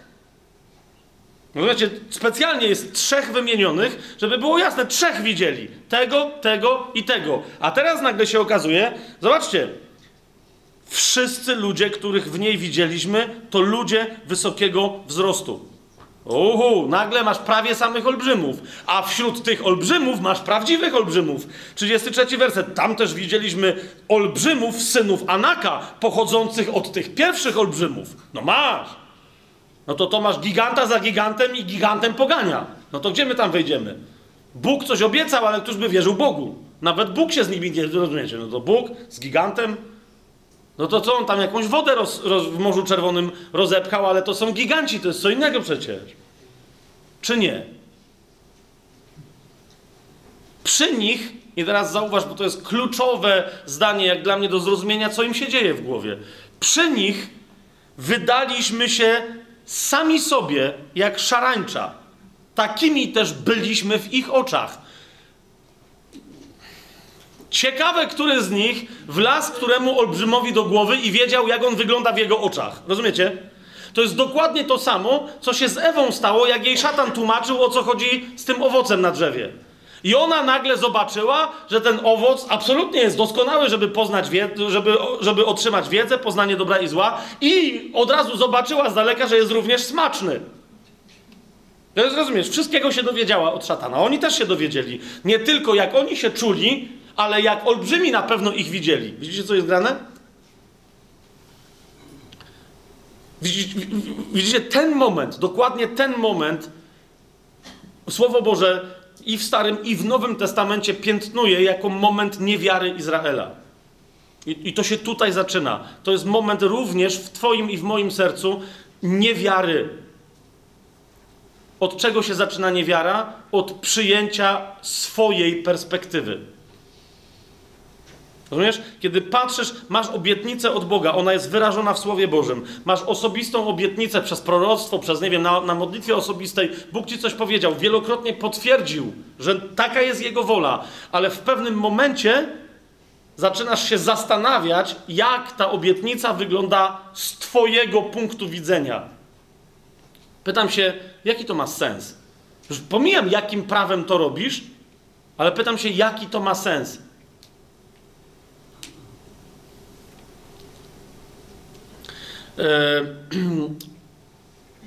w XIX wieku istniała taka, jest, to jest historyczna postać, to jest konkretny historyczny fakt. E, kościół bodaj anglikański lub prezbiteriański, teraz nie do końca pamiętam, e, przyniósł był przecudowny owoc błogosławionej chwały jednego biskupa, który ogłosił, że on y, zapoznał się z Pismem Świętym od początku do końca i od końca do początku i ma objawienie, że zasadniczo ludzkość, co miała wynaleźć, to już wszystko wynalazła. Autentyczna postać. Jednym z takich jego, y, nie jak to nazwać, takich, takich proroctw, powiedział, że na przykład, y, na przykład ludzie nie będą nigdy w życiu latać. W żaden możliwy sposób. Po prostu tak się nie da. On to zobaczył w Biblii. Biblia co do tego jest bardzo jasna. Koniec. Inwencja ludzka się skończyła. Wszystko, co mieliśmy wynaleźć, skończyło się na kolei żelaznej, parowej. Wystarczy. Jest super. Wielbijmy za to Boga. Tyle. Wiecie, jak nazywał się ten biskup? Genialna jest ta historia. Biskup nazywał się Wright. I był ojcem tych dwóch chłopów, co wynaleźli samolot. Tak, no. no bo to nie był katolicki biskup. Mówię, y, anglikański albo. A, nie na rzecz, że katolicki to nie ma. Ale zostawmy tę historię. To był oficjalny ojciec oficjalnych swoich synów. Czujecie to? Ja już pomijam, co się tam w domu musiało dziać, że oni, wysłuchawszy wszystkich możliwych kazań tatusia, następnie stwierdzili, to zróbmy samolot. Bo to by było interesujące, jakby się okazało, że jacyś ludzie chcieli swojemu pobożnemu ojcu udowodnić, że Bóg jednak w ludziach zostawił jakieś elementy kreatywności i że da się latać. Ale to dosłownie, to był ojciec wynalazców, e, no, tych, których rozpoznajemy dzisiaj jako, jako wynalazców lotu. Hmm? Sam, samolotu. Może wyzwolił, ale teraz o co mi, nie o coś innego chodzi. Chodzi mi, jaką perspektywę mieli oni, kiedy, kiedy pomyśleli i zaczęli eksperymentować nad stworzeniem samolotu, a jaką perspektywę miał on. I druga bardzo istotna rzecz, zauważcie, jego perspektywa była na wszystkie możliwe sposoby w jego wypowiedziach publicznych, ponieważ one istnieją, była umocniona Pismem Świętym bardzo często. Jeszcze raz, jeszcze raz, jeszcze raz. Jak wyglądają Boże obietnice dla ciebie? W momencie, kiedy nie masz y, jasności co do obietnicy, ale kiedy przychodzi w Twoim życiu próba, kiedy, rozumiesz, kiedy spada na ciebie trudność, to jest pytanie. Jaka jest najpierw Twoja odpowiedź? Ponieważ niektórzy mówią, no moja odpowiedź to jest właśnie to jest modlitwa z wiarą. No nie, ponieważ jeżeli ty się koncentrujesz na problemie, to masz swoją perspektywę, a nie Bożą. A wtedy nie, Twoja modlitwa nie jest modlitwą wiary. Twoja modlitwa jest modlitwą płonnej nadziei. Bo masz nadzieję, że może coś się stanie. Chrześcijanin przez wiarę bierze rozwiązanie od Boga, a zatem, a zatem, żeby wyrugować niewiarę w sobie, usunąć nieufność, potrzebujesz Pamiętać o perspektywie Bożej. Jak na to, co się teraz dzieje, patrzy Bóg. We wszystkim, jak my usługujemy, jesteśmy skażeni własną perspektywą. Ostatnio sporo się dzieje w temacie pięciorakiej służby y, u nas w Krakowie i w ramach tajemnego planu i tak dalej. I, więc no jedną z tych służb, które mają służyć Kościołowi, jest służba prorocza. I wiecie, nie brakuje nam ludzi w Kościele. Tu na tej sali siedzi, żebym nie przesadził, ale jestem przekonany, że z piątka, szóstka proroków zawołanych. Nie brakuje nam daru prorokowania w, w Kościele. Problem tylko polega na tym, że w momencie, kiedy ktoś zaczyna to robić w ramach tej kultury, która jest kulturą niewiary, proroctwa robią więcej złego niż dobrego. Niektórzy pytają, jak to jest w ogóle możliwe. To jest bardzo prosta kwestia. Jeżeli prorok jest w ramach kultury niewiary nauczony patrzeć na problemy z własnej perspektywy, no to właśnie dlatego jego proroctwo wtedy zaczyna ranić ludzi. To jest żaden problem, żeby. Rozumiecie, dlaczego chrześcijanie tak się ranią? Dlaczego chrześcijanie. Yy, jeden z elementów tego jest, że duch proroczy działa we wszystkich w nas, w każdej i w każdym z nas. Bo ciało Chrystusa ma ducha świętego, który jest duchem proroctwa. Duch Jezusa jest duchem proroctwa. Więc rozumiesz, niektórzy myślą, że są tacy cwani i że są tacy spostrzegawczy. Często wiesz coś na temat siostry czy brata, dlatego że duch ci to objawia, a ty potem przyjrzysz się i mówisz, no rzeczywiście, i znajdujesz na to dowody. A potem, jak masz bezczelność w swoim sercu, to przychodzisz i zaczynasz rąbać, mówiąc, że to było napominanie. Nawet nie zdajesz sobie sprawy, jak w tym momencie najprawdopodobniej służba prorocza właśnie została zniweczona w ramach tego, co robisz. O co mi chodzi? Prorok to jest żaden cud w chrześcijaństwie, że widzi, jak wygląda serce drugiego człowieka, brata czy siostry. Ja już pomijam tych, którzy nie są braćmi czy siostrami. To jest żadna kwestia, to jest żadne odkrycie, że akurat coś czasem zobaczysz. Prawdziwy prorok to jest ten, który widząc problem w sercu brata czy siostry, prawdziwy prorok to jest ten, który nieustanie zadając Bogu pytanie, który nie ustanie, dopóki nie usłyszy od Boga odpowiedzi, jak to serce widzi Bóg. Czy rozumiecie, co teraz mówię? To jest żaden problem podejść do kogoś i powiedzieć, wiesz co, Duch Święty mi pokazał. No niestety, niestety, kiedyś musiałem interweniować w ramach właśnie tego typu sytuacji, bo ktoś jeden podszedł do drugiego i powiedział, wiesz co, Bóg Święty, Duch Święty mi pokazał nad twoją głową napis cudzołóstwo. Jakby powiedziałbym, niech będzie, wstęp jest w miarę dobry. Tak? Y, ta, ten, ten brat, który, do którego ten prorok przyszedł, spiął się cały, no bo trudno, żeby się nie spiął, zwłaszcza, że to było po nabożeństwie, wiecie o co chodzi, tak? Wziął gościa na bok i mówi, no i co? A prorok mówi, no nic i poszedł. No ale teraz pomyślcie o, o, być może o swoich własnych usługach, albo o usługach, w sensie jak wy usługiwaliście komuś proroczo, albo ktoś wam usługiwał. Jeżeli w ramach słowa proroczego nawet zostanie ujawniony jakiś brud, grzech, niewierność w twoim życiu, nie pojawi się perspektywa Boża, to jest żadne proroctwo. To jest tylko pewien rodzaj poznania, z którym jeszcze, z którego jeszcze nic nie wynika tak naprawdę. Przyjdź i nie mów, co widzisz ty w sercu tego człowieka, ale powiedz mu, co Bóg widzi.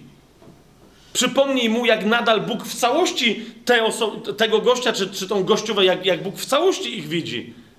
I jednocześnie powiedz, masz teraz problem w swoim życiu, ale Bóg mówi, że i podaj mu rozwiązania. Jak nie masz rozwiązania, znaczy, że nie masz Bożej perspektywy.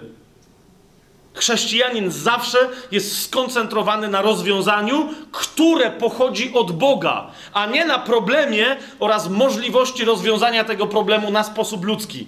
Jest to jasne, co teraz powiedziałem? Bo czasem jeszcze niektórzy mówią, no jest problem w życiu tego człowieka. Jaki? No właśnie taki. I wtedy taki prorok już przelatuje i co? M mówi mu na czym. I on mówi: Nie, nie, ja mu nie powiedziałem tylko o problemie, podałem mu też rozwiązanie. Jakie? Takie. Każdy psychoterapeuta by mu podał takie. Więc miałeś poznanie prorocze co do problemu, ale nadal nie wiesz, jakie jest rozwiązanie Boże.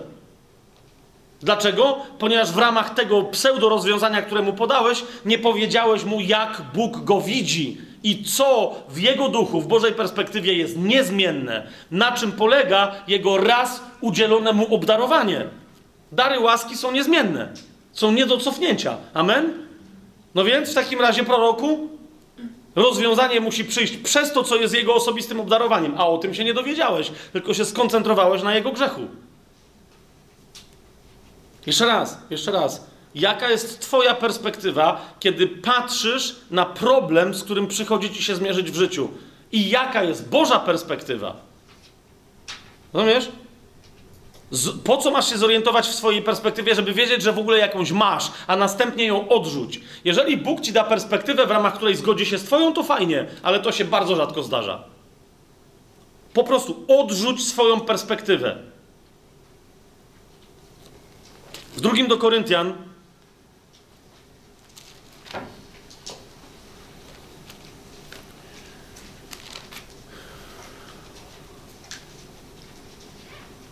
w piątym rozdziale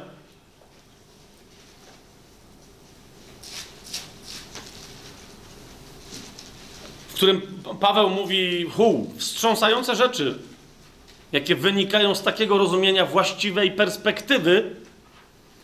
Drugi do Koryntian, piąty rozdział. Paweł mówi, szósty i siódmy werset. Tak więc mamy zawsze ufność. Mamy zawsze ufność. Mówi Paweł. Komu ufamy? Sobie? Czemu ufamy? Jakimś zabezpieczeniu? Nie, mamy ufność w Bogu, o którym on tu wcześniej mówi w piątym wersecie. Mówi tak, więc mamy zawsze ufność. Wiedząc, że dopóki mieszkamy w tym ciele, tułamy się z dala od Pana, więc musimy bazować na ufności. Ale, siódmy werset mówi, ale przez wiarę kroczymy, a nie przez widzenie. Dlatego mamy pewność większą niż ta, która przychodzi przez oglądanie cielesne.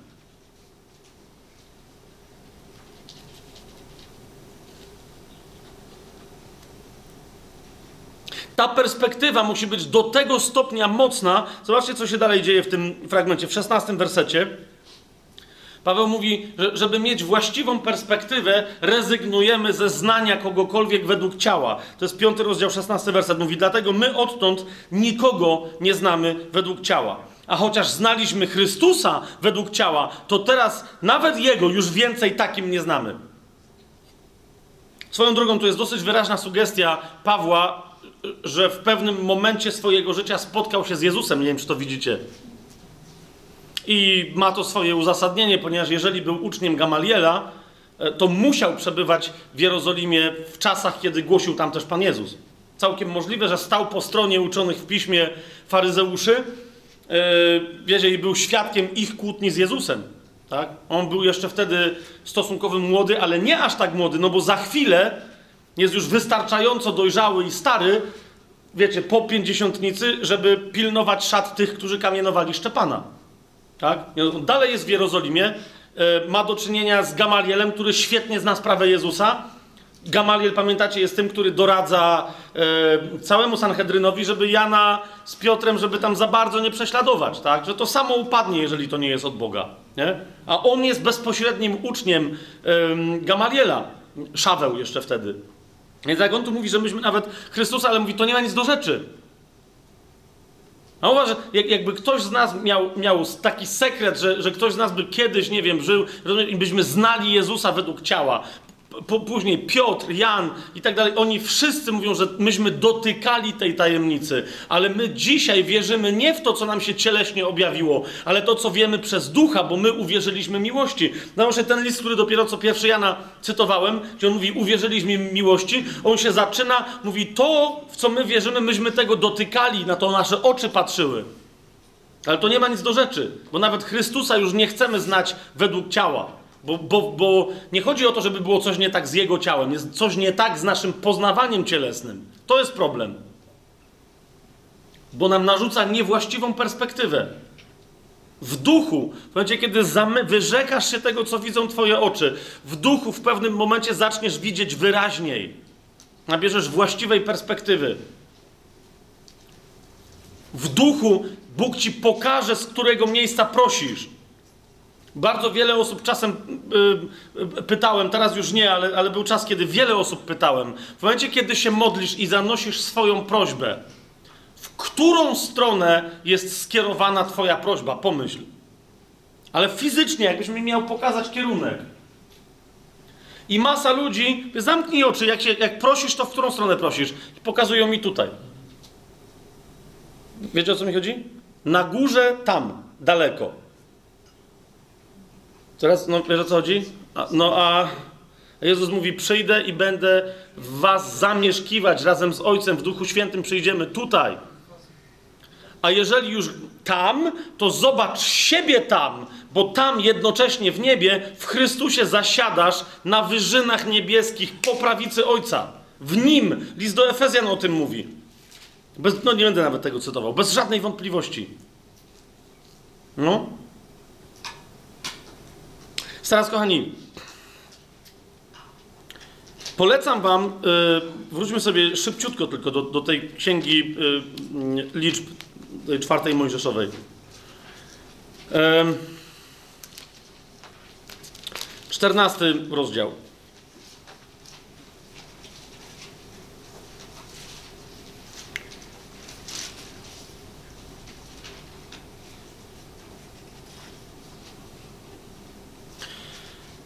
Reakcja ludzi, którzy woleli słuchać dziesięciu, bo tam było dwóch zwiadowców, którzy się nie zgadzali z takim przedstawieniem rzeczy. Kaleb i Jozue. Tak? Kaleb i Jozue. Ale ludzie woleli słuchać nie ich perspektywy, ale perspektywy pozostałych dziesięciu, którzy byli tchórzami. Zobaczcie, jak jest na dobre wieści, które przynieśli ten jeden kiść winogron. Rozumiecie? We dwóch. Swoją drogą, domyślacie się, których to dwóch targało ten kiść winogron. Nie mam żadnej wątpliwości, że Kaleb i Jozue. Cała reszta, rozumiecie, wzięli po fidze i mówią, takie są figi, elegancko, super. Przecież to jest przerażający lud. Będziemy nieść jakieś winogrona, rozumiesz, na drążku, jak nas będą gonić, to jak uciekniemy? Kaleb i Jozue, z całą pewnością.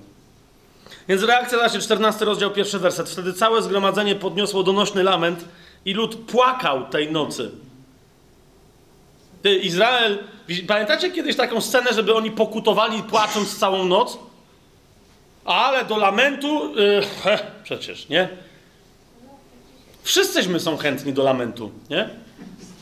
Przypomnij sobie swoje najmocniejsze pokuty, jakieś przeżycia, przełomy, uświadomienie sobie, jak, jak nadal, mimo nowonarodzenia, już jako chrześcijanin czy chrześcijanka, rozumiesz, uświadomienie sobie ze łzami w oczach, kim jest Pana, kim jesteś Ty i gdzie jeszcze jesteś w swoim życiu. Ile, ile tam łez się wylało? Co się tam wtedy wydarzyło? Całą noc, coś się tam, niekoniecznie łzy, ale rozumiesz, takie złamanie w duchu, które pozwala wreszcie duchowi wypłynąć z ciebie i działać na zewnątrz. Ile tego było? A przypomnij sobie, ile w twoim życiu było łez związanych z, do, z, z doświadczeniem porażki, smutku, przerażenia, co przyniesie jutro i tak dalej, i tak dalej. Więc jakbym, wiecie, ja się tak za specjalnie z tego Izraela nie śmieję. Bo chociaż podziwiam Kaleba i Jozułego, to potem patrzę na swoje życie i cały czas jestem niezadowolony. Wszyscy synowie Izraela, drugi werset nam mówi, szemrali przeciwko Mojżeszowi i Aaronowi i całe zgromadzenie mówiło do nich, obyśmy pomarli w ziemi Egiptu albo na tej pustyni. Jasne. Jakbyście tak chcieli umrzeć, to byście się tak nie bali tam wejść. Zauważyliście to? Nie chcą wejść tam, bo się boją, że tam zginą. Mówią, to lepiej jest tu zginąć niż tam. Jasne. Ilu facetów takich słyszę i zawsze mi mówią, że bohaterstwo, lepiej zginąć bohaterską śmiercią niż tu strzeznąć jak pies, po czym siedzą przed telewizorem przez następne cztery miesiące.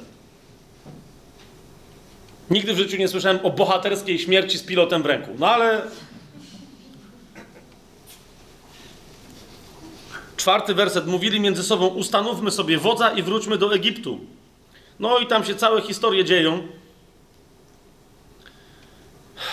Mówię, przestudujcie sobie to dobrze sami, ale odnieście to do swojej sytuacji życiowej, do momentów, w których e, odnieść to do swojej sytuacji duchowej, do tego, jak wygląda Twoja modlitwa. I ile z tego, co tam mówi Izrael, i, i pomysłów, jakie on ma, ile z tego to są de facto Twoje pomysły. Bo ja wiem, że często to są moje pomysły. Znajdźmy sobie wodza. A naszym wodzem jest Pan, którym jest Jezus.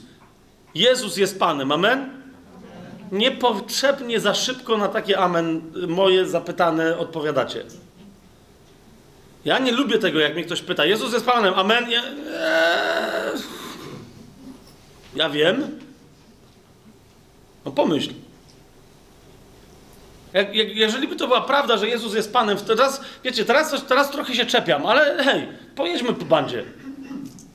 Jakby to była prawda, że Jezus jest Panem w Twoim i w moim życiu, to co, by, co my byśmy tu robili kolejną godzinę, rozważając temat właśnie, że jakoś Jego panowania nie doświadczamy w naszym życiu? Co, On nie ma władzy? Ja mam władzę na niebie i na ziemi, powiedział. Najwyraźniej my nie do końca tej władzy się poddajemy i z niej korzystamy. I na tym polega problem. Łatwo jest powiedzieć, że Jezus jest Panem. A Jakub mówi, to mi to pokaż ze swoich uczynków. Bo w to demony też wierzą i drżą. Pamiętacie list do Filipian?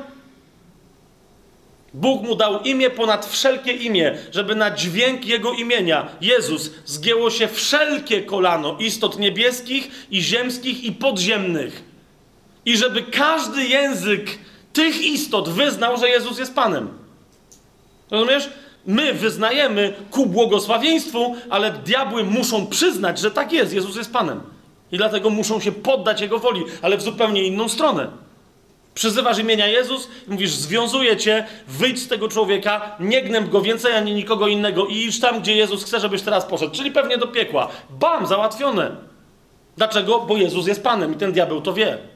Ten diabeł już dawno, podobnie jak cała reszta piekła, został powiedziony w triumfie.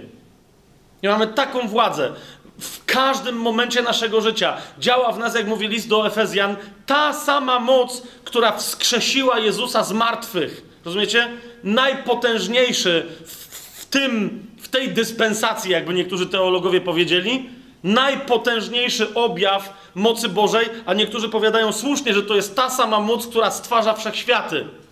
Nie ma niczego potężniejszego. nie ma. I ta sama moc, która Jezusa wyprowadziła z martwych, dzięki której On mógł zmartwychwstałym w ciele wyprowadzić z piekła tych, którzy chcieli z Nim pójść i od tej pory ma klucze do, do, do piekła, do śmierci, do otchłani. Ma, rozumiesz, ta sama moc działa w Tobie i we mnie. Czemu miałaby szwankować? Z jakiego powodu?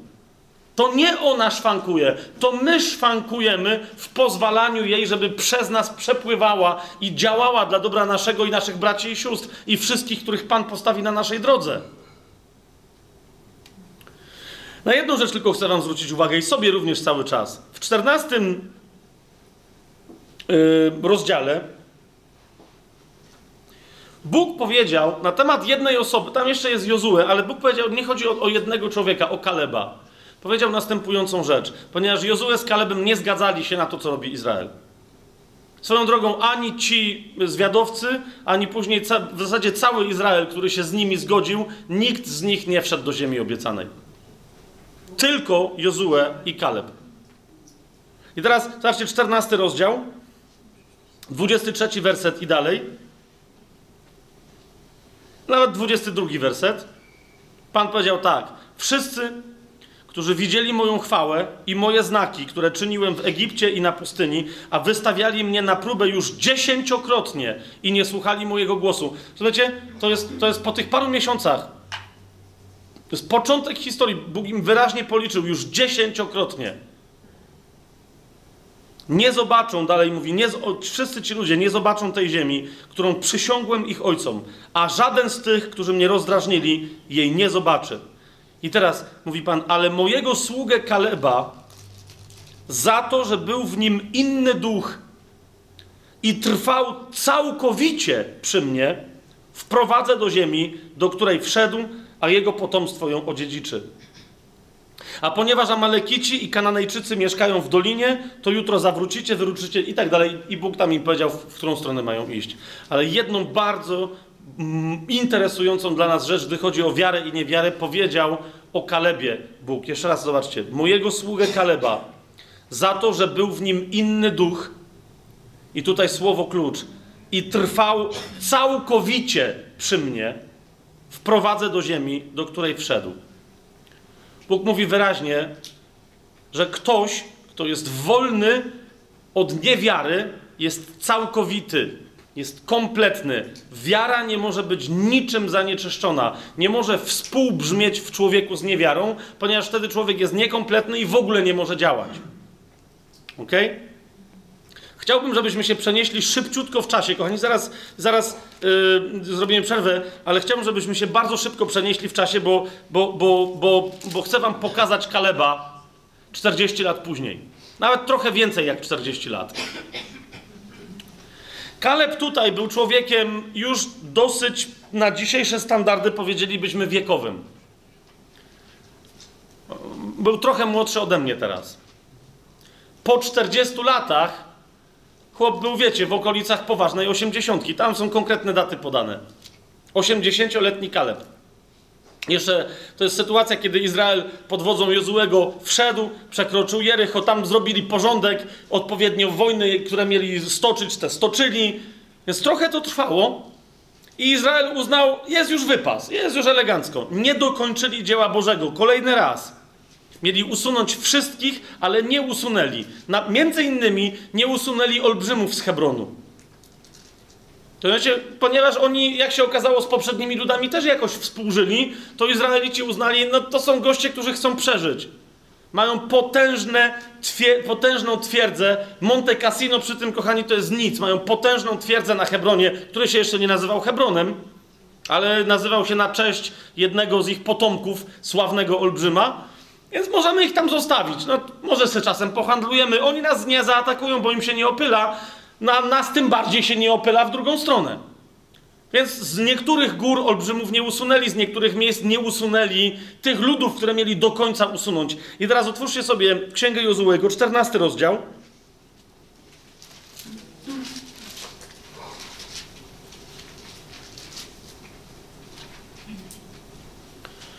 14 rozdziale Księgi Jozułego Izraelici stwierdzili, wykonaliśmy już swoją robotę, podzielmy się według tego, co, jakie były ustalenia, każdy niech weźmie swoją ziemię, rozchodzimy się, uprawiamy rolę i żyjemy pokojowo, jest fajnie. Teraz się będziemy rozkrzewiać, jest czas pokoju, a nie wojny. Dobrobyt, to jest to, czym się teraz zajmujemy. Dobrobyt, prosperity, okej. Okay. I tam się dzielą od początku 14 rozdziału. Aż w pewnym momencie na te wszystkie podziały przychodzi mój serdeczny przyjaciel Kaleb. I teraz naprawdę y, przeczytajmy do końca tego rozdziału, co się tu wyprawia. W szóstym wersecie przychodzi Kaleb. Potężne zwycięstwo przychodzi Kaleb. Dzielą się ziemią, planują, jakie będą uprawy, jak będzie szedł biznes. Przychodzi Kaleb, który jest stary. Tak samo stary jak i Jozue. Czas najwyższy, żeby, wiecie, zaczął odcinać kupony od sławy, którą zyskał jako no, jeden z dwóch, którzy mieli jakiś sens w tym życiu, byli bohaterami i mają sławę.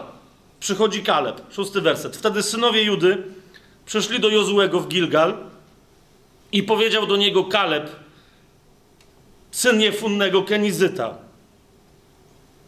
Ty wiesz, co Jachwę powiedział Mojżeszowi, mężowi Boga, o mnie i o tobie w Kadesz Barnea.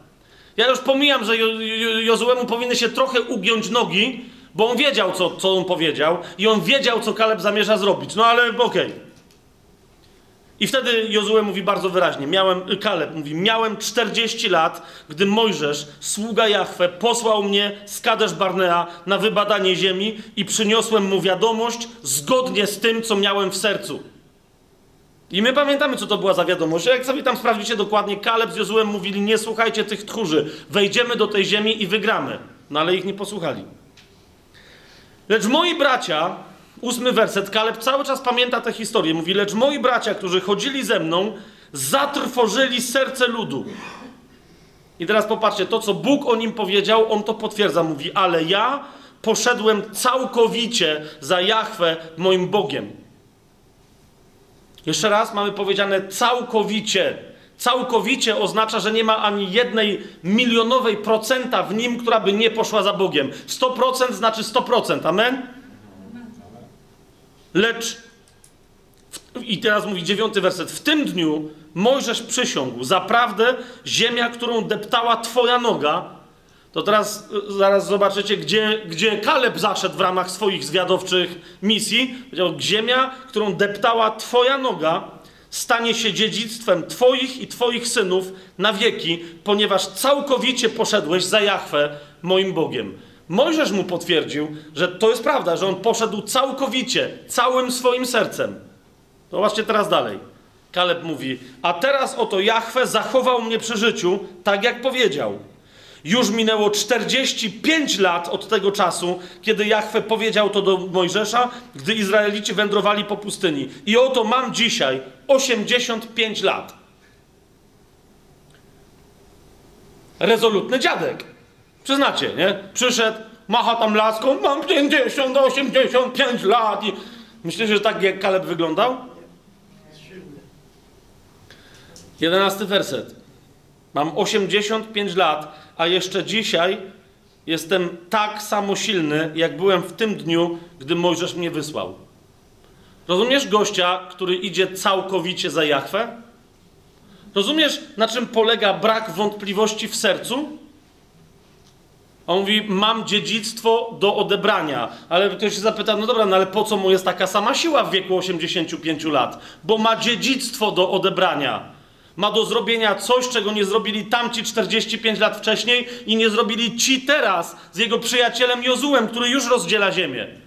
Zobacz, co się dzieje dalej. Jaka wtedy była moja siła, taka jest teraz moja siła. Do wojny, żeby wyruszać i żeby z niej wracać w domyśle zwycięsko. I teraz Kaleb. Jedna z najlepszych wypowiedzi w Starym Testamencie, jak dla mnie. Pokazuje Jozuemu choreb. Rozumiecie? Monte Cassino. Tylko nie ma czołgów, nie ma samolotów, nie może zbombardować tego wszystkiego. Pokazuje mu choreb, na którym to jest twierdza olbrzymów. Pokazuje mu choreb i mówi: Teraz więc daj mi tę górę. Dlaczego? No bo Mojżesz powiedział, że gdzie daptała twoja noga, to rozumiecie, gdzie on znalazł, jak były zwiady? On tam polazł. Znaczy, że nikt z nim nie polazł. Zadeptał nogą, mówi za, zaklepane, tyle. Teraz wrócił, rozumiesz, ma potężne obszary obfite, żyzne, gdzie jest woda, gdzie, gdzie jest trawa dla, dla bydła wszelakiego, gdzie mogą uprawiać rolę, a on mówi, ale ja całym sercem poszedłem za Panem. Pan powiedział, że w ramach mojego dziedzictwa jest też ta góra. I wszyscy patrzą na niego i rozumiecie, może ktoś wyszedł z boku i mówi, Kaleb, hello, jakby 85 lat, Alzheimer, tam są olbrzymy, także jakby zbastuj. On się nawet na to nie patrzy. Mówi do niego, daj mi tę górę o której Jahwe powiedział w tamtym dniu. Sam bowiem słyszałeś tego dnia, że tam są Anakici, a miasta ich są wielkie i warowne.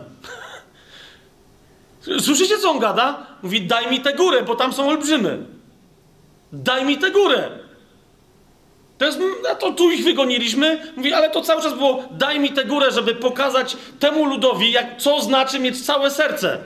My wędziliśmy jakichś szmaciarzy. Daj mi tę górę, bo tam są olbrzymy. A ja tam wejdę sam i tylko i wyłącznie z tymi, którzy są pokoleniem Judy. Nie z całym Izraelem, bo to jest moja góra, nie wasza. Ja tam deptałem. Daj mi tę górę. Każdy z nich miał taką swoją górę z pomniejszymi zawodnikami, którzy, jak myślicie, skąd potem się Filistyni wzięli i całe inne dziadostwo w tamtym, na tamtym terenie. I Pan im wielokrotnie mówił, nie wypędziliście wszystkich. Dalej się żenicie z jakimiś pogankami. Dalej zaczynacie z nimi flirtować i czcicie bożki. To był cały czas ten problem, że nie wypędzili wszystkich. Z wyjątkiem Kaleba, który miał najgorszą ekipę tam siedzącą. Jeszcze raz, daj mi tę górę, dwunasty werset, o której Jachwę powiedział w owym dniu, sam bowiem słyszałeś tego dnia, że tam są Anakici, a miasta ich są wielkie i warowne. Jeżeli Jachwę będzie ze mną, wypędzę ich tak, jak mi to obiecał Jahwe. Rozumiesz, jaka jest moc obietnicy? Jeżeli wierzysz miłości, a miłość składa ci obietnicę, to nie tylko możesz rzucać górami do morza, ale możesz przepędzać olbrzymów z góry, na której oni się obwarowali. O tym mówi Kaleb w Starym Przymierzu w Pięcioksięgu. I na takie diktum, co miał Jozue powiedzieć? Zobaczcie 13-14 werset dalej. I Jozue błogosławił mu i dał Kalebowi oficjalnie edyktem lidera całego Izraela. Dał Kalebowi, synowi Jefunego, Hebron w dziedzictwo. Hebron. Teraz to jest ten Hebron, kto z was zna to słowo i rozumie znaczenie Hebronu dla Izraela, ciągnące się przez całą Biblię. Rozumiecie? To Hebron jest Hebronem, dlatego że Kaleb w swoim sercu nie przestraszył się olbrzymów obwarowanych na górze. Zobaczcie, co jest dalej powiedziane. Dlatego Hebron stał się dziedzictwem Kaleba, syna Jefunego Kenizzyty, aż do dziś, bo całkowicie, po raz kolejny Słowo Boże mówi, bo całkowicie poszedł za Jahwe, Bogiem Izraela. A Hebron wcześniej zwano Kiriat Arwa. Arwa był wielkim bowiem człowiekiem wśród Anakitów, a ziemia w tym momencie zaznała pokoju od wojny. Co to znaczy? W tym momencie cała walka się odbyła nie na tej górze. Ja pamiętam, że jak pierwszy raz to czytałem, myślałem, że mnie coś trafi. Myślę, Boże, uwielbiam Twoje błogosławienie, uwielbiam Twoje natchnienie. Mm, ale gdzie jest opis tej walki? A nawet nie wiem, kto by bardziej chciał opisu tej walki, bo tu widzę po, po oczach niektórych kobiet, żeby mówią, no właśnie, pokażcie mi tego gościa. Że mogą mężowi pokazać jakiś wzorzec. To rozumiecie, ale, ale Biblia mówi nie, bo cała walka odbyła się wcześniej. Cała walka odbyła się w sercu Kaleba, który, rozumiesz, cała walka odbyła się w nim o to, żeby zachować całkowite zaufanie czemu? Obietnicy Jahwe. I dlatego Biblia potem mówi, że po prostu jak on powiedział, ten mu dał i tyle. I on se wziął. Od tej pory to jest Hebron. Nie nazywa się jakimś pogańskim, yy, pogańską nazwą olbrzymów. Od tej pory to jest Hebron. Co więcej, od tej pory wreszcie zapanował pokój w tych wszystkich ziemiach. Bo niezależnie od tego, co tam te inne ludy sobie myślały, jak się dowiedzieli, że jakiś kalebik 85-letni wlazł na górę i rozwalił olbrzymów i wziął im twierdzę, to przestań. Izrael Pany, daj spokój. Wszyscy ich kochamy. Ależ przecież. Hołd lenny, pruski, żydowski, niech będzie. Przecież wszyscy... Tylko nie przysyłajcie do nas Kaleba. To tylko tyle. Ja tak myślę, że wtedy Żydzi mogli tam spokojnie haracz ściągać. Rozumiecie, przychodzili, mieli, słuchajcie, to tu z tej ziemi jeszcze, ja wiem, że to jest granica, ale musicie nam oddać tyle i tyle owiec, bo przyjdzie Kaleb. Kto tam fikał? Zobaczcie, ile razy Biblia powtarza, że Kaleb miał całkowite serce. Kompletne. Miał obietnicę, nie miał nic więcej. Zobaczcie, on nie miał żadnej. Popatrzcie, on się odwołuje, kiedy stoi pod tym, co, co za chwilę zostanie jego dziedzictwem, nazwane jego chorebem. Stoi pod tą górą, widzi tam absolutnie przerażającego wroga i niemożliwość wejścia tam, i jedyne co ma, to obietnicę sprzed 45 lat. To nie jest świeże objawienie. To nie jest świeże. Co, co więcej, to jest obietnica, o której on usłyszał w zasadzie z drugiej ręki. Od ludzi, których szanował. Usłyszał od Mojżesza ze swoim przyjacielem Jozułem. I on do niego przychodzi i tylko do tego się odwołuje. Oczywiście, że Bóg mu ją objawiał i umacniał ją w jego sercu, ale jeszcze raz ci mówię, jak wygląda Twoja relacja z Ojcem, który jest miłością, jak wygląda Twoja wiara w jego obietnicę. I ostatnia rzecz. Otwórzmy sobie list Jakuba, od którego wszystko zaczęliśmy.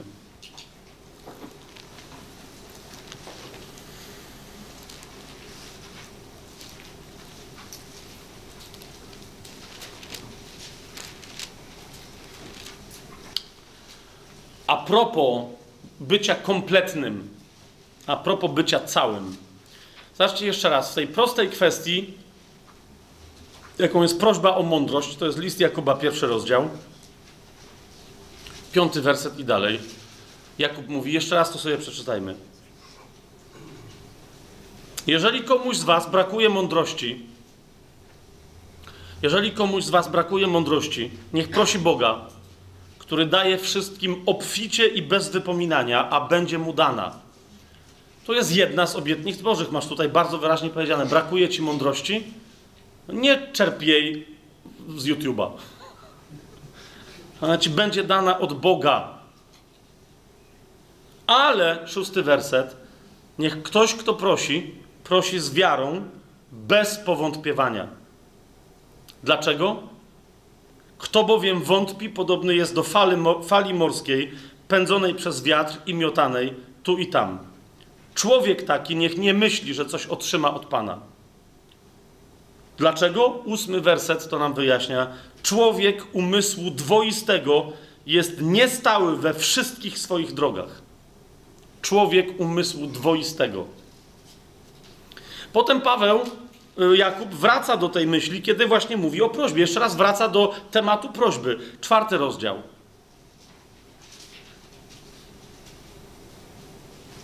I mówi, czwarty rozdział, drugi werset i dalej. Jakub mówi, pożądacie, a nie macie. Zabijacie i zazdrościcie, a nic nie możecie osiągnąć. Toczycie całe wojny i walki, a nie macie, bo nie prosicie.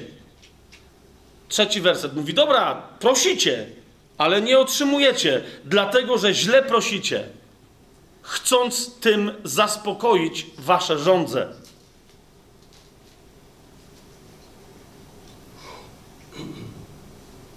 Zostawmy to na razie, idźmy dalej. Tę, myśl poważną. Cudzołożnicy i cudzołożnice. Czy nie wiecie, że przyjaźń ze światem jest nieprzyjaźnią z Bogiem? Jeżeli więc ktoś chce być przyjacielem świata, dodałbym tutaj automatycznie, jak pisze, staje się nieprzyjacielem Boga. Albo jedno, albo drugie. Czy sądzicie, że na próżno pismo mówi, duch, który w nas mieszka, zazdrośnie pożąda? Większą zaś daje łaskę, bo mówi, Bóg sprzeciwia się pysznym, a pokornym daje łaskę. Więc tutaj mówi, poddajcie się więc Bogu, przeciwstawcie się diabłu, a ucieknie od was. Zbliżcie się w końcu, woła, zbliżcie się do Boga, a On zbliży się do was. Obmyjcie ręce grzesznicy i oczyśćcie serca ludzie umysłu dwoistego, albo też rozdwojonego.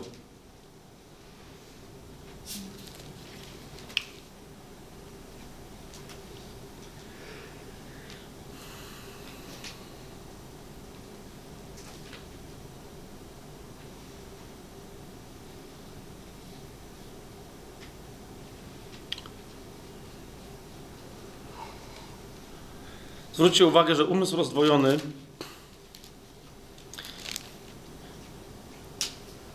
którego skutkiem jest nieufność i zwątpienie wobec Pana, wątpliwość, Jakub jasno wskazuje palcem, że jego to rozdwojenie bierze się z niezgodności w sercu wierzącego człowieka z wolą Bożą. Często z nieznajomości woli Bożej a z aż nadto dobrej znajomości swojej własnej woli. Jakby Jakub chciał wręcz powiedzieć, bardzo często w ogóle nie musicie prosić o nic. Dostalibyście wszystko, co wam jest potrzebne, gdyby nie to, że blokujecie przypływ Bożej obfitości przez to, że cały czas macie niezaspokojone żądze i zachcianki. Nie chcecie, żeby Bóg wam je w życiu spełniał. Pomyśl sobie o jednej dowolnej rzeczy w Twoim życiu, o którą się ostatnio modlisz. A nie się modlisz.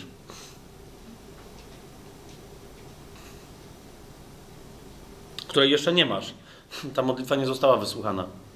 Myśl o jednej konkretnej rzeczy.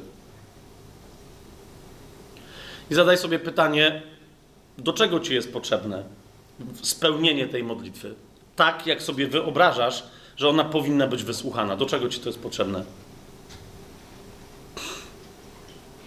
Jakiś czas temu rozmawiałem z człowiekiem, który przyszedł i mówi: Pomódl się ze mną, potrzebuję zarabiać więcej pieniędzy w, w miesiącu i Bóg mnie nie chce wysłuchać, potrzebuję, potrzebuję pomocy od ciebie. Po co? Moje pytanie. Po co ci te pieniądze? To nic, nic zdrożnego, chcę wspierać Kościół, chcę coś tam. Przestań, przestań. Po co ci te pieniądze? Nie najlepiej dzieje się w moim małżeństwie, powiada. No i co? Kupisz nową żonę? Po co ci te pieniądze? Nie, mówi, ale tak sobie myślę, bo już wiesz, dawno temu rozmawialiśmy o tym, że kiedyś będzie nas stać na dom i mówi, to bym wziął kredyt i, i bym kupił, wziął, kupił dom na ten kredyt i tylko musi, muszę, wiem, po prostu już policzyłem, ile więcej muszę zarabiać. Słyszycie tą logikę? A ty nie jesteś czasem chętny, żeby się pomodlić o twoją żonę? Bo, bo, bo, te pieniądze zdaje się, że to jest twoja próba rozwiązania problemu z żoną. A, rzeczywiście, mówi. No to tak, to możemy o żonę się też pomodlić. Oho. Słyszysz, co się dzieje? to o żonę też się możemy pomodlić. No ale jakżem wpadł, że można i pieniądze mieć więcej, to chętnie czemu nie przy okazji? No i potem jeszcze cisnęliśmy dalej, okazało się, że no z tą żoną to problem polega na tym, no że właśnie, nie? że on ma problem z pieniędzmi. Straszną pętlę żeśmy tam zatoczyli, taką diabelską. Się okazało, że po prostu jego żona, on przedstawia siebie, jej, jako osobę wierzącą, a ona jest niewierząca, dlatego właśnie, że widzi, jakim on jest hipokrytą. Po prostu. Cały czas jej tłumaczy, jak Bóg błogosławi, jak coś tam. I on cały czas żyje przekonaniem, że kiedyś któregoś dnia wygra w totolotka. Znaczy nie gra w totolotka, bo wie, że hazard to jest grzech. I uznał, że to jest hazard, ale liczy, że jakaś okazja przyjdzie i cały czas nie wie, gdzie ona jest. A ona mówi, ale ja chcę, ja chcę mieć tego chłopaka, którego kiedyś poznałam. Romantycznego muzyka, który mi opowiadał, że będzie tworzył. Ja wiem, że gdyby on zaczął tworzyć to, do czego on jest stworzony, to po prostu to sukces przyjdzie sam. Ja mówię, ja wierzę w takiego Boga Jego. Ale ja mu, na złość jemu się nie nawrócę do tego jego dziadostwa. Bo nie wiem, co mu się stało przez te wszystkie lata. Słyszycie to? Słyszycie to? Człowiek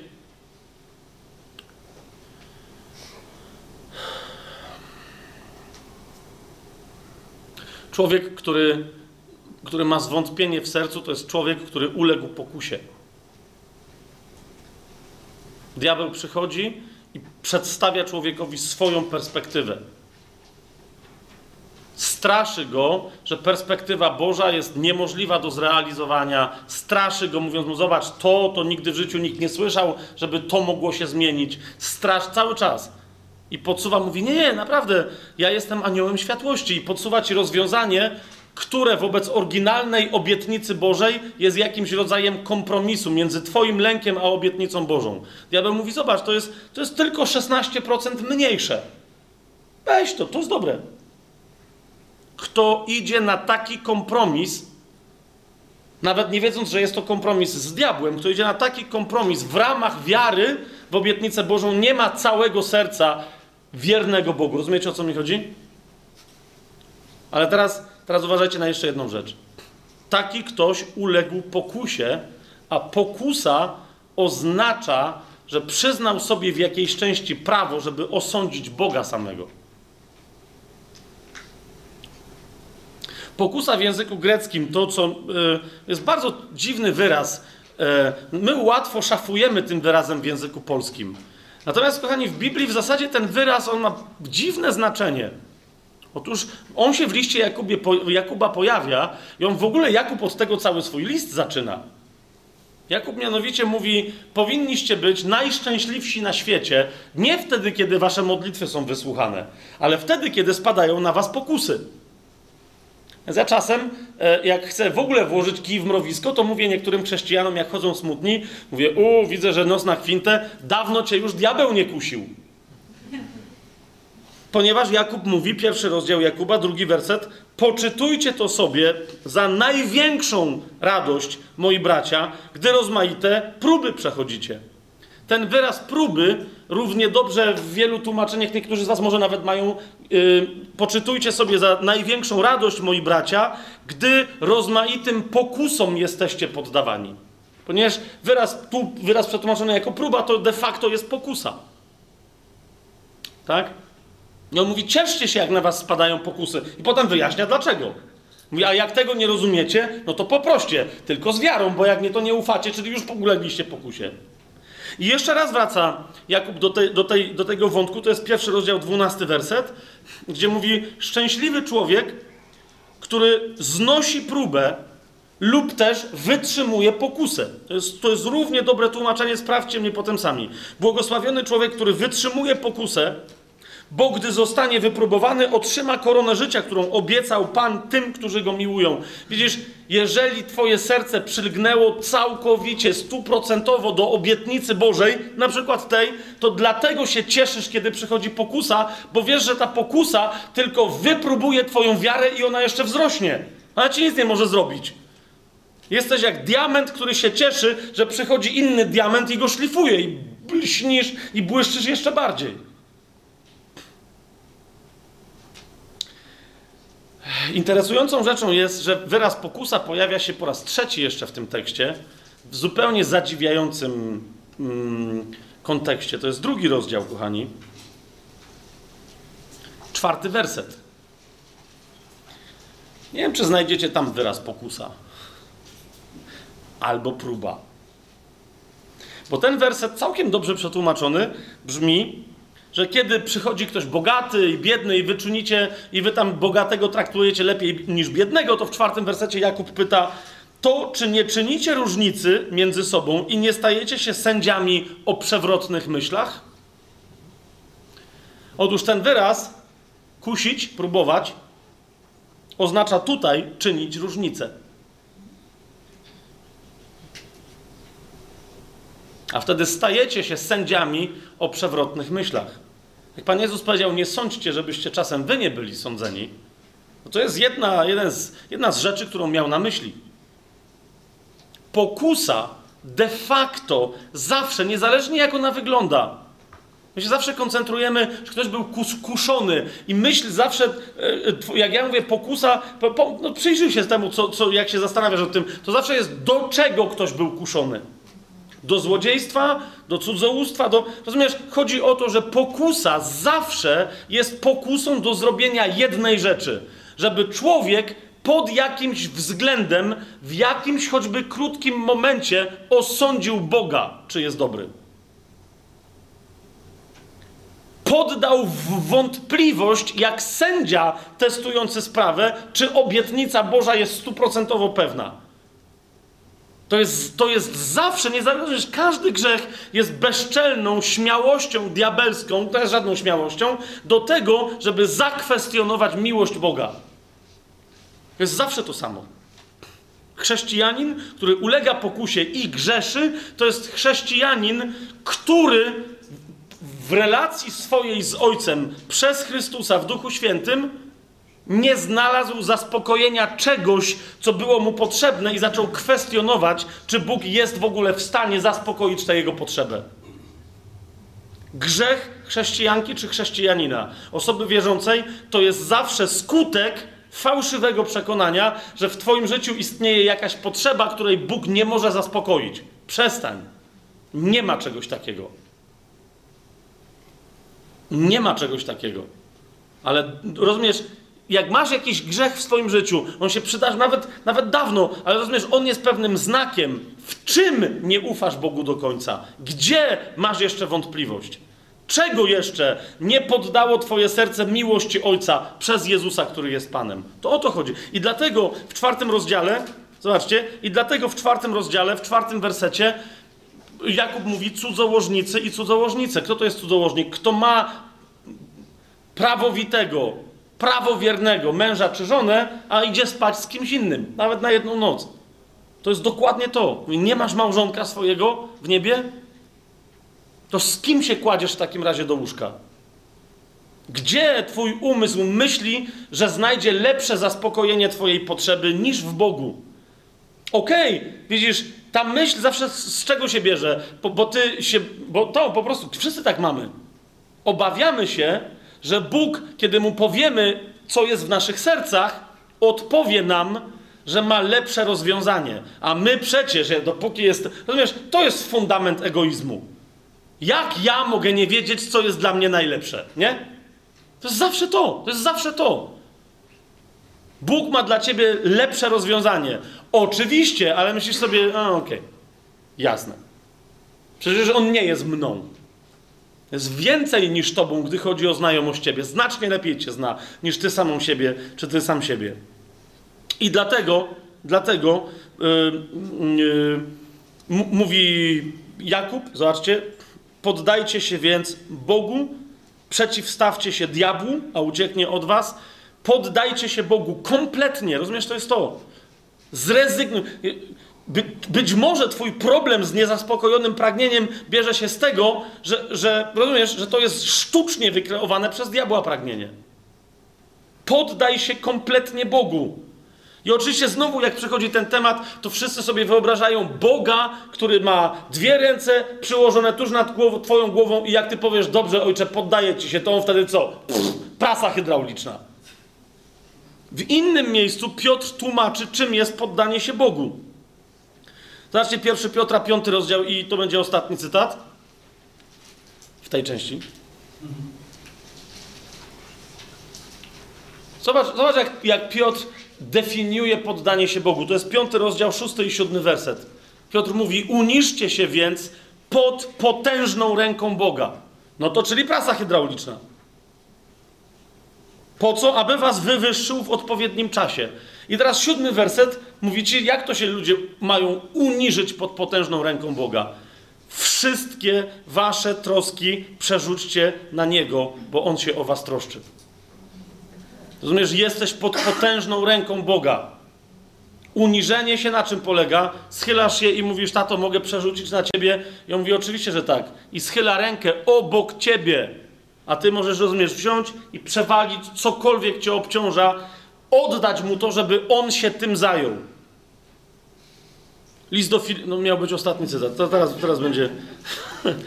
się nie wiem. List do Filipian. A to naprawdę będzie ostatni cytat. Mówi o tym i Paweł mówi o tym jeszcze inaczej, ale to jest cały czas to samo. Zobacz. Zobacz. Kiedy zrobisz to skutecznie,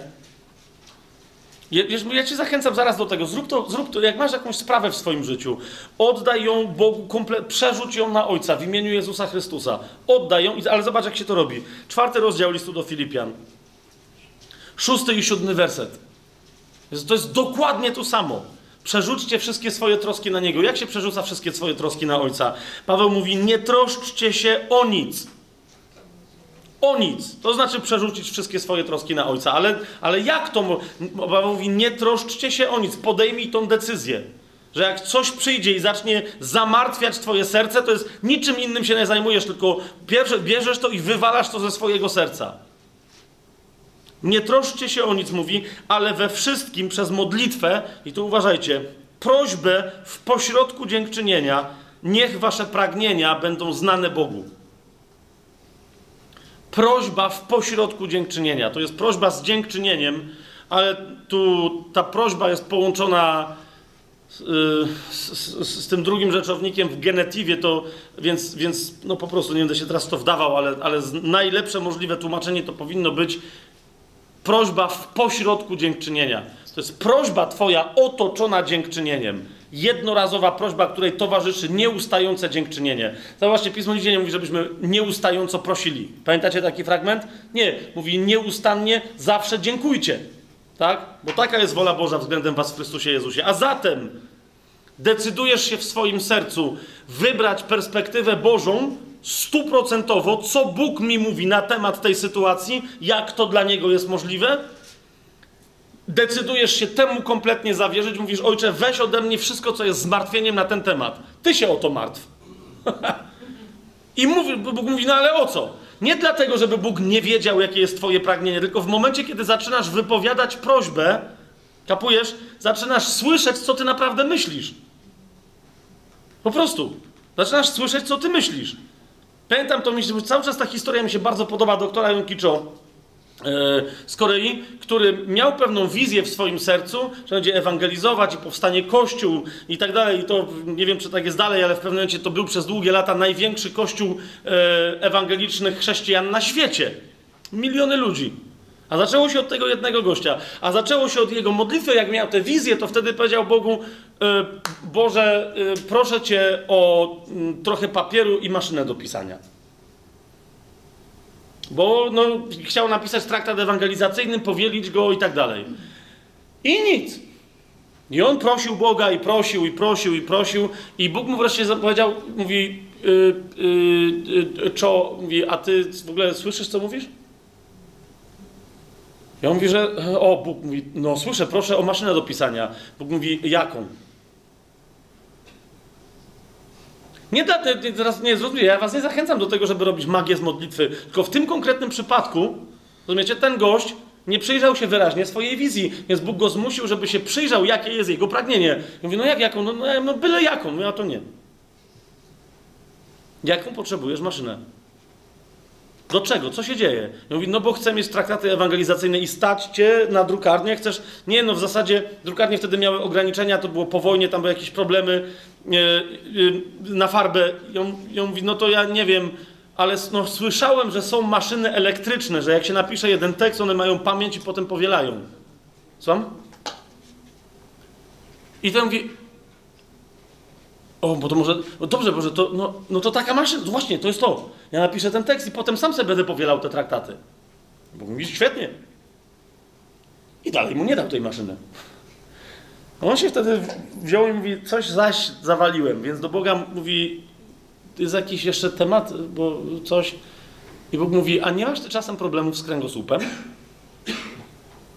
I Jemkicze powiedział, że no, no, no, mam i właśnie modlę się o uzdrowienie, a nie jest czasami tak, że ty masz te problemy z kręgosłupem nie dlatego, że jesteś chory, tylko że źle siedzisz, a ty jeszcze chcesz pisać, powielać przy tej maszynie, może by ci się stół z krzesełkiem przydał.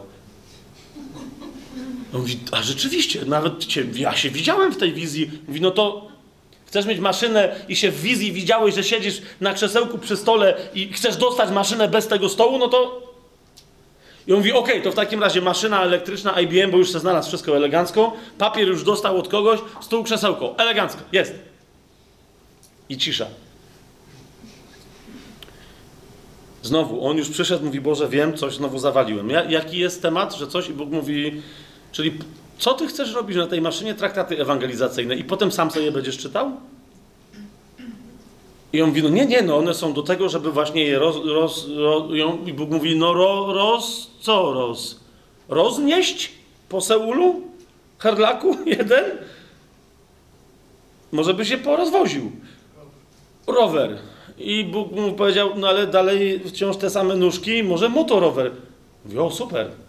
Rozumiecie, tak to trwało, nie będę całej tej historii opowiadał, aż wreszcie, jak mu się cała wizja, on dopiero załapał, że aha, tego samego dnia, jak miał aha i już wreszcie skończył i wreszcie prawdziwe pragnienie, które miał, sam sobie uświadomił, co ma wziąć od Boga, rozumiecie, bo na tym polega problem. Bóg wie, co ma nam dać. Tylko, że w momencie, kiedy my nie wiemy, co mamy wziąć, to on nam może dać, a my nawet nie skorzystamy z okazji, no bo po prostu jesteśmy, mistrzami świata, dziećmi płaczącymi obok choinki z setką prezentów, że prezenty do nas nie przyszły, bo nam się nie chciało otworzyć. Więc dlatego Biblia mówi, żebyśmy wyla... Zobaczcie jeszcze raz. Prośba z dziękczynienia, niech wasze pragnienia będą znane Bogu. Mów do Boga tak, jakby On nie wiedział, czego Ty chcesz i się przyjrzyj, czego Ty chcesz żeby Bóg mógł ci dać. I kiedy to się stanie, Twoje pragnienie będzie znane Bogu, bo je wypowiesz tak, jak to w tym momencie w sercu masz, to w momencie, kiedy Twoje pragnienie zostało wypowiedziane raz, skończ prosić, a zacznij dziękować. Jak drugi raz od tej pory jeszcze raz poprosisz, to znaczy, że nie wierzysz w to, że ta modlitwa została wysłuchana. Teraz będzie ostatni cytat. Ale muszę logicznie skonkludować w pierwszym Jana. Swoją drogą, jak tam dalej w tym liście do Filipian y, sprawdzicie, to zobaczycie, że Bóg mówi, że kto tak postępuje, nie troszczcie się o nic, tak, ale w modlitwie z, z prośbą w pośrodku dziękczynienia, niech wasze pragnienia będą znane Bogu. Mówi to, kto tak postępuje, pokój Boży będzie strzegł jego serca i jego myśli. Pokój Boży jest w tobie w momencie, kiedy ty zaczniesz postępować według tego pokoju, to on zacznie ciebie pilnować, także od tej pory tym łatwiej ci będzie niczym się nie martwić. A, a propos tego, że kto prosi w ten sposób zgodnie z wolą Bożą, ten wierzę, ma, zobaczcie, pierwszy Jana, piąty rozdział, 14 i 15 werset. Kompletna ufność, wolna od niewiary.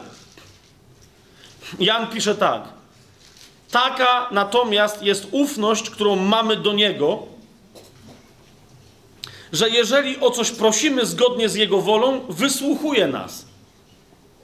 I co to znaczy? A jeżeli wiemy, że nas wysłuchuje, o cokolwiek prosimy, wtedy też wiemy, że już mamy to, o co go prosiliśmy.